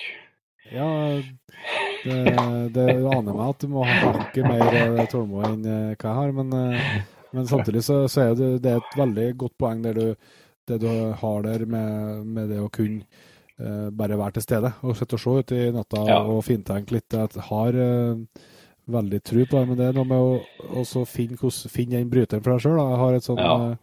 Eh, opplevelse med det med, som vi har nevnt eh, før. Altså, så bodde jeg ute i skogen et helt år. Mm. Og da eh, husker jeg veldig godt at det tok noen uker før at du, før at du hadde den for, for, for deg da, før jeg hadde den følelsen i kroppen. Ja. At uh, tid ikke var så viktig element lenger, og at du bare kunne være der og da. Mm. Og det har jeg vanskeligere for å finne den bryteren på, på kort varsel i, i en travel hverdag. Det skal jeg være den første til å innrømme. Så at det kunne vært en, en, en medisin for det, å, å trene seg sjøl på, på det. Det tror jeg faktisk veldig på. Ja. Nei, da, altså, jeg tror nok det er mange som rett og slett har godt av noen timer i, i, i fred og stillhet. Og faktisk ikke ha med seg telefonen inn i bua si. Ja, ja. Eh, faktisk eh, tvinge seg til å være litt alene med seg sjøl. For at, eh, jeg tror det er litt mangelvare i det travle og hektiske samfunnet vi lever i, med alle slags medier hengende rundt oss hele tida, og vi skal være så online at det er liksom ikke måte på. Det er jo Mm. Ja, jeg tror å ha noen eh, timer i stillhet uh, med sin egen person, det tror jeg flere vil gjøre flere godt, da. Mm. Jeg i hvert fall syns det er sånn at uh, jeg syns det er godt å sitte mye sånn i fred og stillhet, og da tanken og følelser rusler sin egen tur. Mens jeg sitter der og glor ute i halvmørket og Ja. med en halvåpen, siklende munn. Og så, må du ikke tenke på etterpå eh, hvordan tankene kan fly. da. For det kan Neida. jo være at det går i alle mulige retninger. Ja da. Men, men det er det som er å bli kjent med seg sjøl, vet du. Ja. Ikke sant? Det er kanskje det. Er kanskje Ja. Plutselig så ender du opp eh, og treffer deg på andre i jobben din, og så er det ikke ja, ikke sant? Ja da. Men altså eh, skal vi runde han litt om eh, jaktutstyr. da. Vi har jo snakka en del utstyr, og, både kaliber og forskjellig, men er det noe av det du har eh, fått tak i senere tida som du har blitt ekstra glad i, som du kan eh, tipse videre om? Vet du at den er vanskelig. Eh, særlig i og med at jeg ikke er noen sånn hundemann og bruker så mye sendere og peilere og, og, og ikke bruker noe MMS-kamera. Så det blir ikke noe på elektronikk eller noe sånt. Og, og jeg, jeg er liksom like glad i alle våpna og optikken jeg har og sånn. Så jeg vet Jeg tenkte over det i stad, for jeg visste jeg kom til å få det spørsmålet. Og da Det første jeg tenkte på, Ja. det, det er utstyret som jeg må ha med meg bestandig. Det er Leatherman min. Ja. Ja. Leatherman. Leatherman, da er du aldri lost. Det er liksom eh, Det er ikke det Det er er noen sånn eh, Ja, det er ikke noen sånn MacGyver-type som, som bygger med et fly med en Leatherman og en rull med gaffateip, altså. Men altså Men, men eh, Leatherman, altså, den, den må jeg ha med meg støtt. Eh, Den, den er bare helt suveren. Den, den har reddet mange tur kniper, tror jeg. Jeg vil si Leatherman, jeg. Ja, ja, men det er ikke det dummeste. Faktisk. Livet blir hakket enklere da. Jeg gjør det. Og så bruker vi å runde av med jakthistorie, da. Og det vet vi at eh, du har opplevd mye spennende jakt, du, Gordon, så det håper vi at du kan Du har det historie på luringen, du òg. Ja, det er litt vanskelig å velge. Eh, men siden, siden, vi, siden jeg er her som åtejeger, da. Jeg kunne fortalt om noe fra Rocky Mountains og skyte elk oppe i fjella der, men, men eh, jakthistorie som går på åtejakt, så er det vel eh, Jeg hadde ei enk... Dette er mange år siden nå. Jeg hadde enkelløpe hagle. Lang enkelløpe hagle med full drangboring. Hun var så lett som ei fjør. Og da hadde jeg montert en eh, skral kikkert på. Det var i hvert fall bedre enn å bare bruke skursikte framerst på løpet. Og jeg satt nå inn i en låve der, og reven kom. og jeg satt og jeg har brukt en sånn Rottweil-patron, eh, 76 mm med 52 gram med bly. Og eh, reven kom, og jeg hadde bestandig vært flink når jeg brukte den hagla. For at, eh, jeg passet bestandig på å dra hodet litt bakover rett før jeg trekte av. Av en eller annen grunn så glemte jeg det i den uh, seansen her. Jeg husker så godt reven sto midt på åta på haglehold. Og jeg brenner av, og det første jeg ser, det er stjerner og måner og eh, det, det, det kvitna for meg, og så ble det delvis svart. Og så hørte jeg at det var noe som trillet bortover gulvet inne på det gamle fjøset. Og så kjente jeg at jeg ble våt i ansiktet med en gang. Og så våt nedover, og så tok jeg i hendene mine, og de var jo helt mørke, vet du. Jo da, da hadde jeg altså jeg vet om andre som har gjort det samme, men da med ikke like heldig resultat. Jeg hadde skalle kikkerten av børsa. Så skruen som basen var skrudd ned i løpet med, de hadde jeg slått tvers av. To, ganske to solide jernskruer som dette her er festet i, bakerst på løpet med, som basen sitt fester med, de ble slått tvers av i den rekkhyllen. Oi. Eh, og jeg kjente jo da at dette her er litt alvor, uh, men jeg hadde nå tross alt skutt ræv. Jeg eh, Men jeg merka jo da at her er det noe som ikke stemmer, og jeg gikk ut til bua. Jeg kunne like gjerne ha blitt svimslått og blitt, blitt liggende der. Det var vel en 16-17 kuldegrader, og dette her var ganske langt ifra folk. Så det kunne ha endt skikkelig galt. Men eh, jeg kom, gikk ut, og så tok jeg masse snø og kastet i, i panna. Jeg skjønte jo at eh, her var det litt mer enn bare en halvmåne. Så gikk jeg ut og henta reven og hang den opp. Og, og kom meg eh, Jeg hadde bil, jeg satte meg i bil, og så kjørte jeg ned til Gjøvik. Og så var jeg innom kona og så sa jeg at du ikke se hit, sa jeg, men jeg tror jeg må en tur på sykehuset. Og hun hyler vet du, når hun fikk se meg. Og hva er det du har gjort? ikke sant? Og jeg kom jo på sykehuset, og der var jo rett inn på bordet der. Og sying og greier. Eh, tok røntgen og ja. Og det ble en del sting. Altså, han legen som tok imot meg, han, eh, han var fra Hamar. Altså, det er på andre sida av Mjøsa. Så sa han at ja, så han var faktisk jeger sjøl. Og så fortalte jeg hva som hadde skjedd, og så dette trodde han nesten ikke noe på. At det gikk an. Nei, sa jeg, men det er nå det som er tilfellet. Ja, sa han. Jeg har hørt om at totninger har treskalle, sa han. Men nå har jeg endelig fått bevis på det. Og det var Det er en, den åtejaktopplevelsen som jeg virkelig minnes, altså med både skrekk og gru, men samtidig litt uh, moro å ha klart en sånn bragd, da, og skalle kikkerten av ei børse. Så det er klart, jeg jeg, jeg var jo ikke pen, og jeg hadde jo, jeg hadde jo sånn hematom rundt begge øynene. Jeg satt jo i en stol i tre-fire dager etterpå, for jeg kunne jo ikke reise meg. For jeg, ble, jeg var jo så svimmel at jeg klarte nesten ikke å gå. Så jeg fikk meg en skikkelig skrell, da. Ja, Men eh, det var altså lett enkeltløpet hagle med en dårlig kikkert med 52 gram med rottweilbly som skulle ut. Så legen sa òg det, at hvis du vil, sånn, så, kan du, så kan jeg gjerne nå med en gang skrive ut en bekreftelse til deg. eh, Et bevis på at du har treskalle. Han skulle gå og gjøre det, sa han, hvis han var interessert. Men jeg syntes jo det var litt flaut, vet du, så jeg nei, jeg trenger ikke det.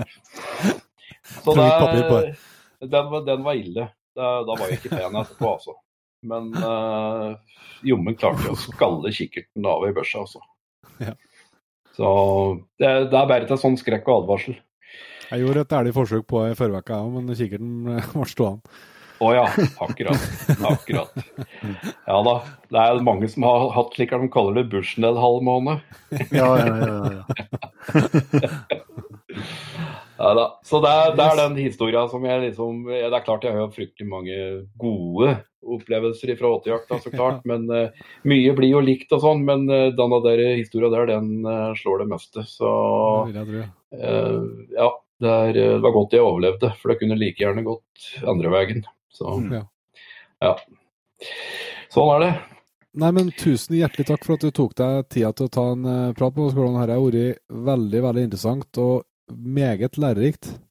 Jo, og så var det så grådig moro for meg da, gitt, at de eh, hadde lyst til å ha med meg i en episode. For da jeg har jo hørt på mange av disse episodene her og, og tenkt at oi, skal jeg dit? Liksom, her er det så mye folk med så mye både kunnskap og ekspertise som har så mye interessant og bra å fortelle og lærerikt og hele pakka. Så jeg syns jo det er moro da at eh, de ringer en totning som aldri har vært på harejakt før heller. da, så, da, da er det nesten så vi begynner å lure på om har begynner å gå liksom litt i, i, i beit av folk som vil være med i programmet. da, liksom, Ettersom de ringer, ringer meg. Men nei da, jeg tuller litt nå, da. er veldig stas å få være med, du- kara. Jeg syns du oppsummerte eh, gjestene vi har hatt med, veldig godt, og jeg skal garantere deg Gordon, at du eh, føyer deg meget godt inn i den rekka der, så det, det setter vi kjempestor pris på. Så tusen takk. Og så høres ut som helt sikkert igjen. Det håper jeg inderlig at vi gjør. Så må de ha en fin sommer videre, og, og skitt høst, ikke minst. Ta dekk. Takk for det. Takk, takk for praten. Likeså. Yes, det var altså Gordon eh, Fjell. Jeg vil tro at uh, du som har vært med helt hit, har- deler inntrykket vi har, Jon Inge, at uh, det er en mann som er både lidenskapelig opptatt uh, av jakt og natur, og, uh, og har uh, ja, selvsagt har mye erfaring, men òg har, har mye kunnskap og, og er veldig, veldig delevillig på den. Så jeg setter veldig pris på å praten med han. og har jo prata med noen turer. er utrolig utrolig, utrolig trivelig kar og, og ja, veldig både hjelpsom og, og åpne armer. Så han er et kjempegodt inntrykk. Altså, det var, en, uh, artig å få på en prat med en eh, Gordon, og ser ikke bort ifra at vi må ta en prat med han om uh, noe tema senere en gang òg. Nei, det, var, det ble veldig bra. Det ble det, så um, det ble litt frista til å dra i gang med 2 igjen til vinteren her nå, eh, i hvert fall. Ja, det skal jeg, jeg må se om ikke det kan være mulig å lure til deg òg. Men uh, nå har jo sikkert Jeg har ikke helt klotra på klokka, ser jeg, men det har blitt en lang episode. Og uh, håper at dere syns det er verdt å være med så lenge, og at det ikke blir for langt. Men uh, det er jo sånn at dette er jo faktisk nest siste episode før det blir en liten sommerferie på oss. Vi kommer ut med en episode igjen neste, neste uke, men da etter det så blir det en uh, mer eller mindre uh, fortjent uh, sommerferie. Så uh, Sjøl om hvis du syns det ble langdrykk, så får du, får du trøste deg med at eh, du får, får snart en pause. Eh, men eh, før vi runder av, så skal vi eh, tradisjon tro si tusen takk til nye patrients som har kommet inn. Ja. Vi har jo patrients, eh, eller Patreon satt opp for dem som ønsker å, å være med og, og støtte jobben vi gjør med Jegerpodden med noen kroner i måneden. Og det er det stadig flere som vil, og det ja, nå begynner det å bli litt så vanskelig å finne på nye ting å si, hvor glad vi er for det. For det, vi er på ekte ut, vi, altså, Hver gang altså, det er, Gliset blir bredt, og det er varme. For det, det er et eh, klapp på skuldra som, eh, som betyr mye for oss, både for at vi får til å produsere det videre, og at eh, ikke minst som virkelig viser at at setter pris på det vi, det vi eh, bruker ganske mye tid på. Så det er jo veldig, veldig artig.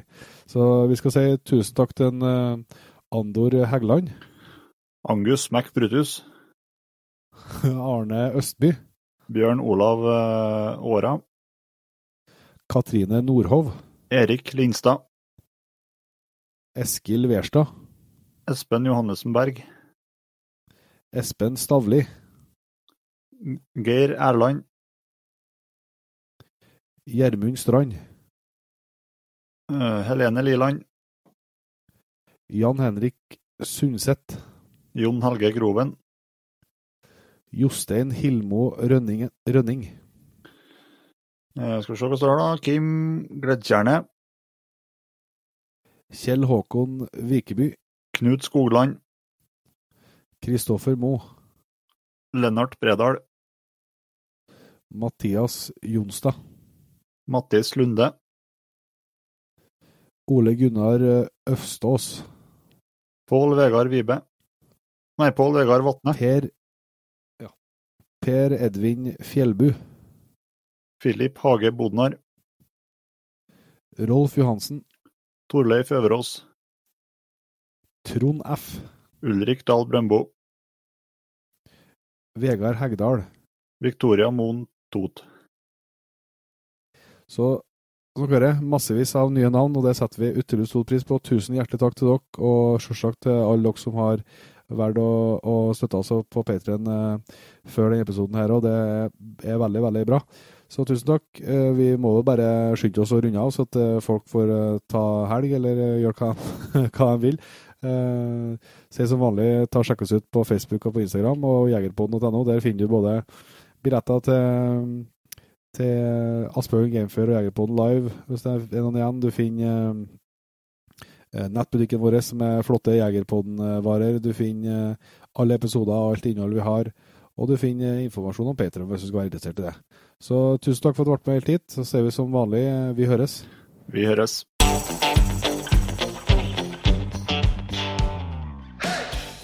Tusen hjertelig takk for at du valgte å bruke litt av tida di på Jegerpodden. Sjekk ut jegerpodden.no eller eh, din favoritt podkastspiller for enda mer innhold og flere episoder. Følg også Jegerpodden på Facebook og Instagram, og ikke minst, husk å fortelle alle gode venner, familie og tilfeldige forbipasserende om Jegerpodden, sånn at vi får spredd det glade budskap videre. Vi høres.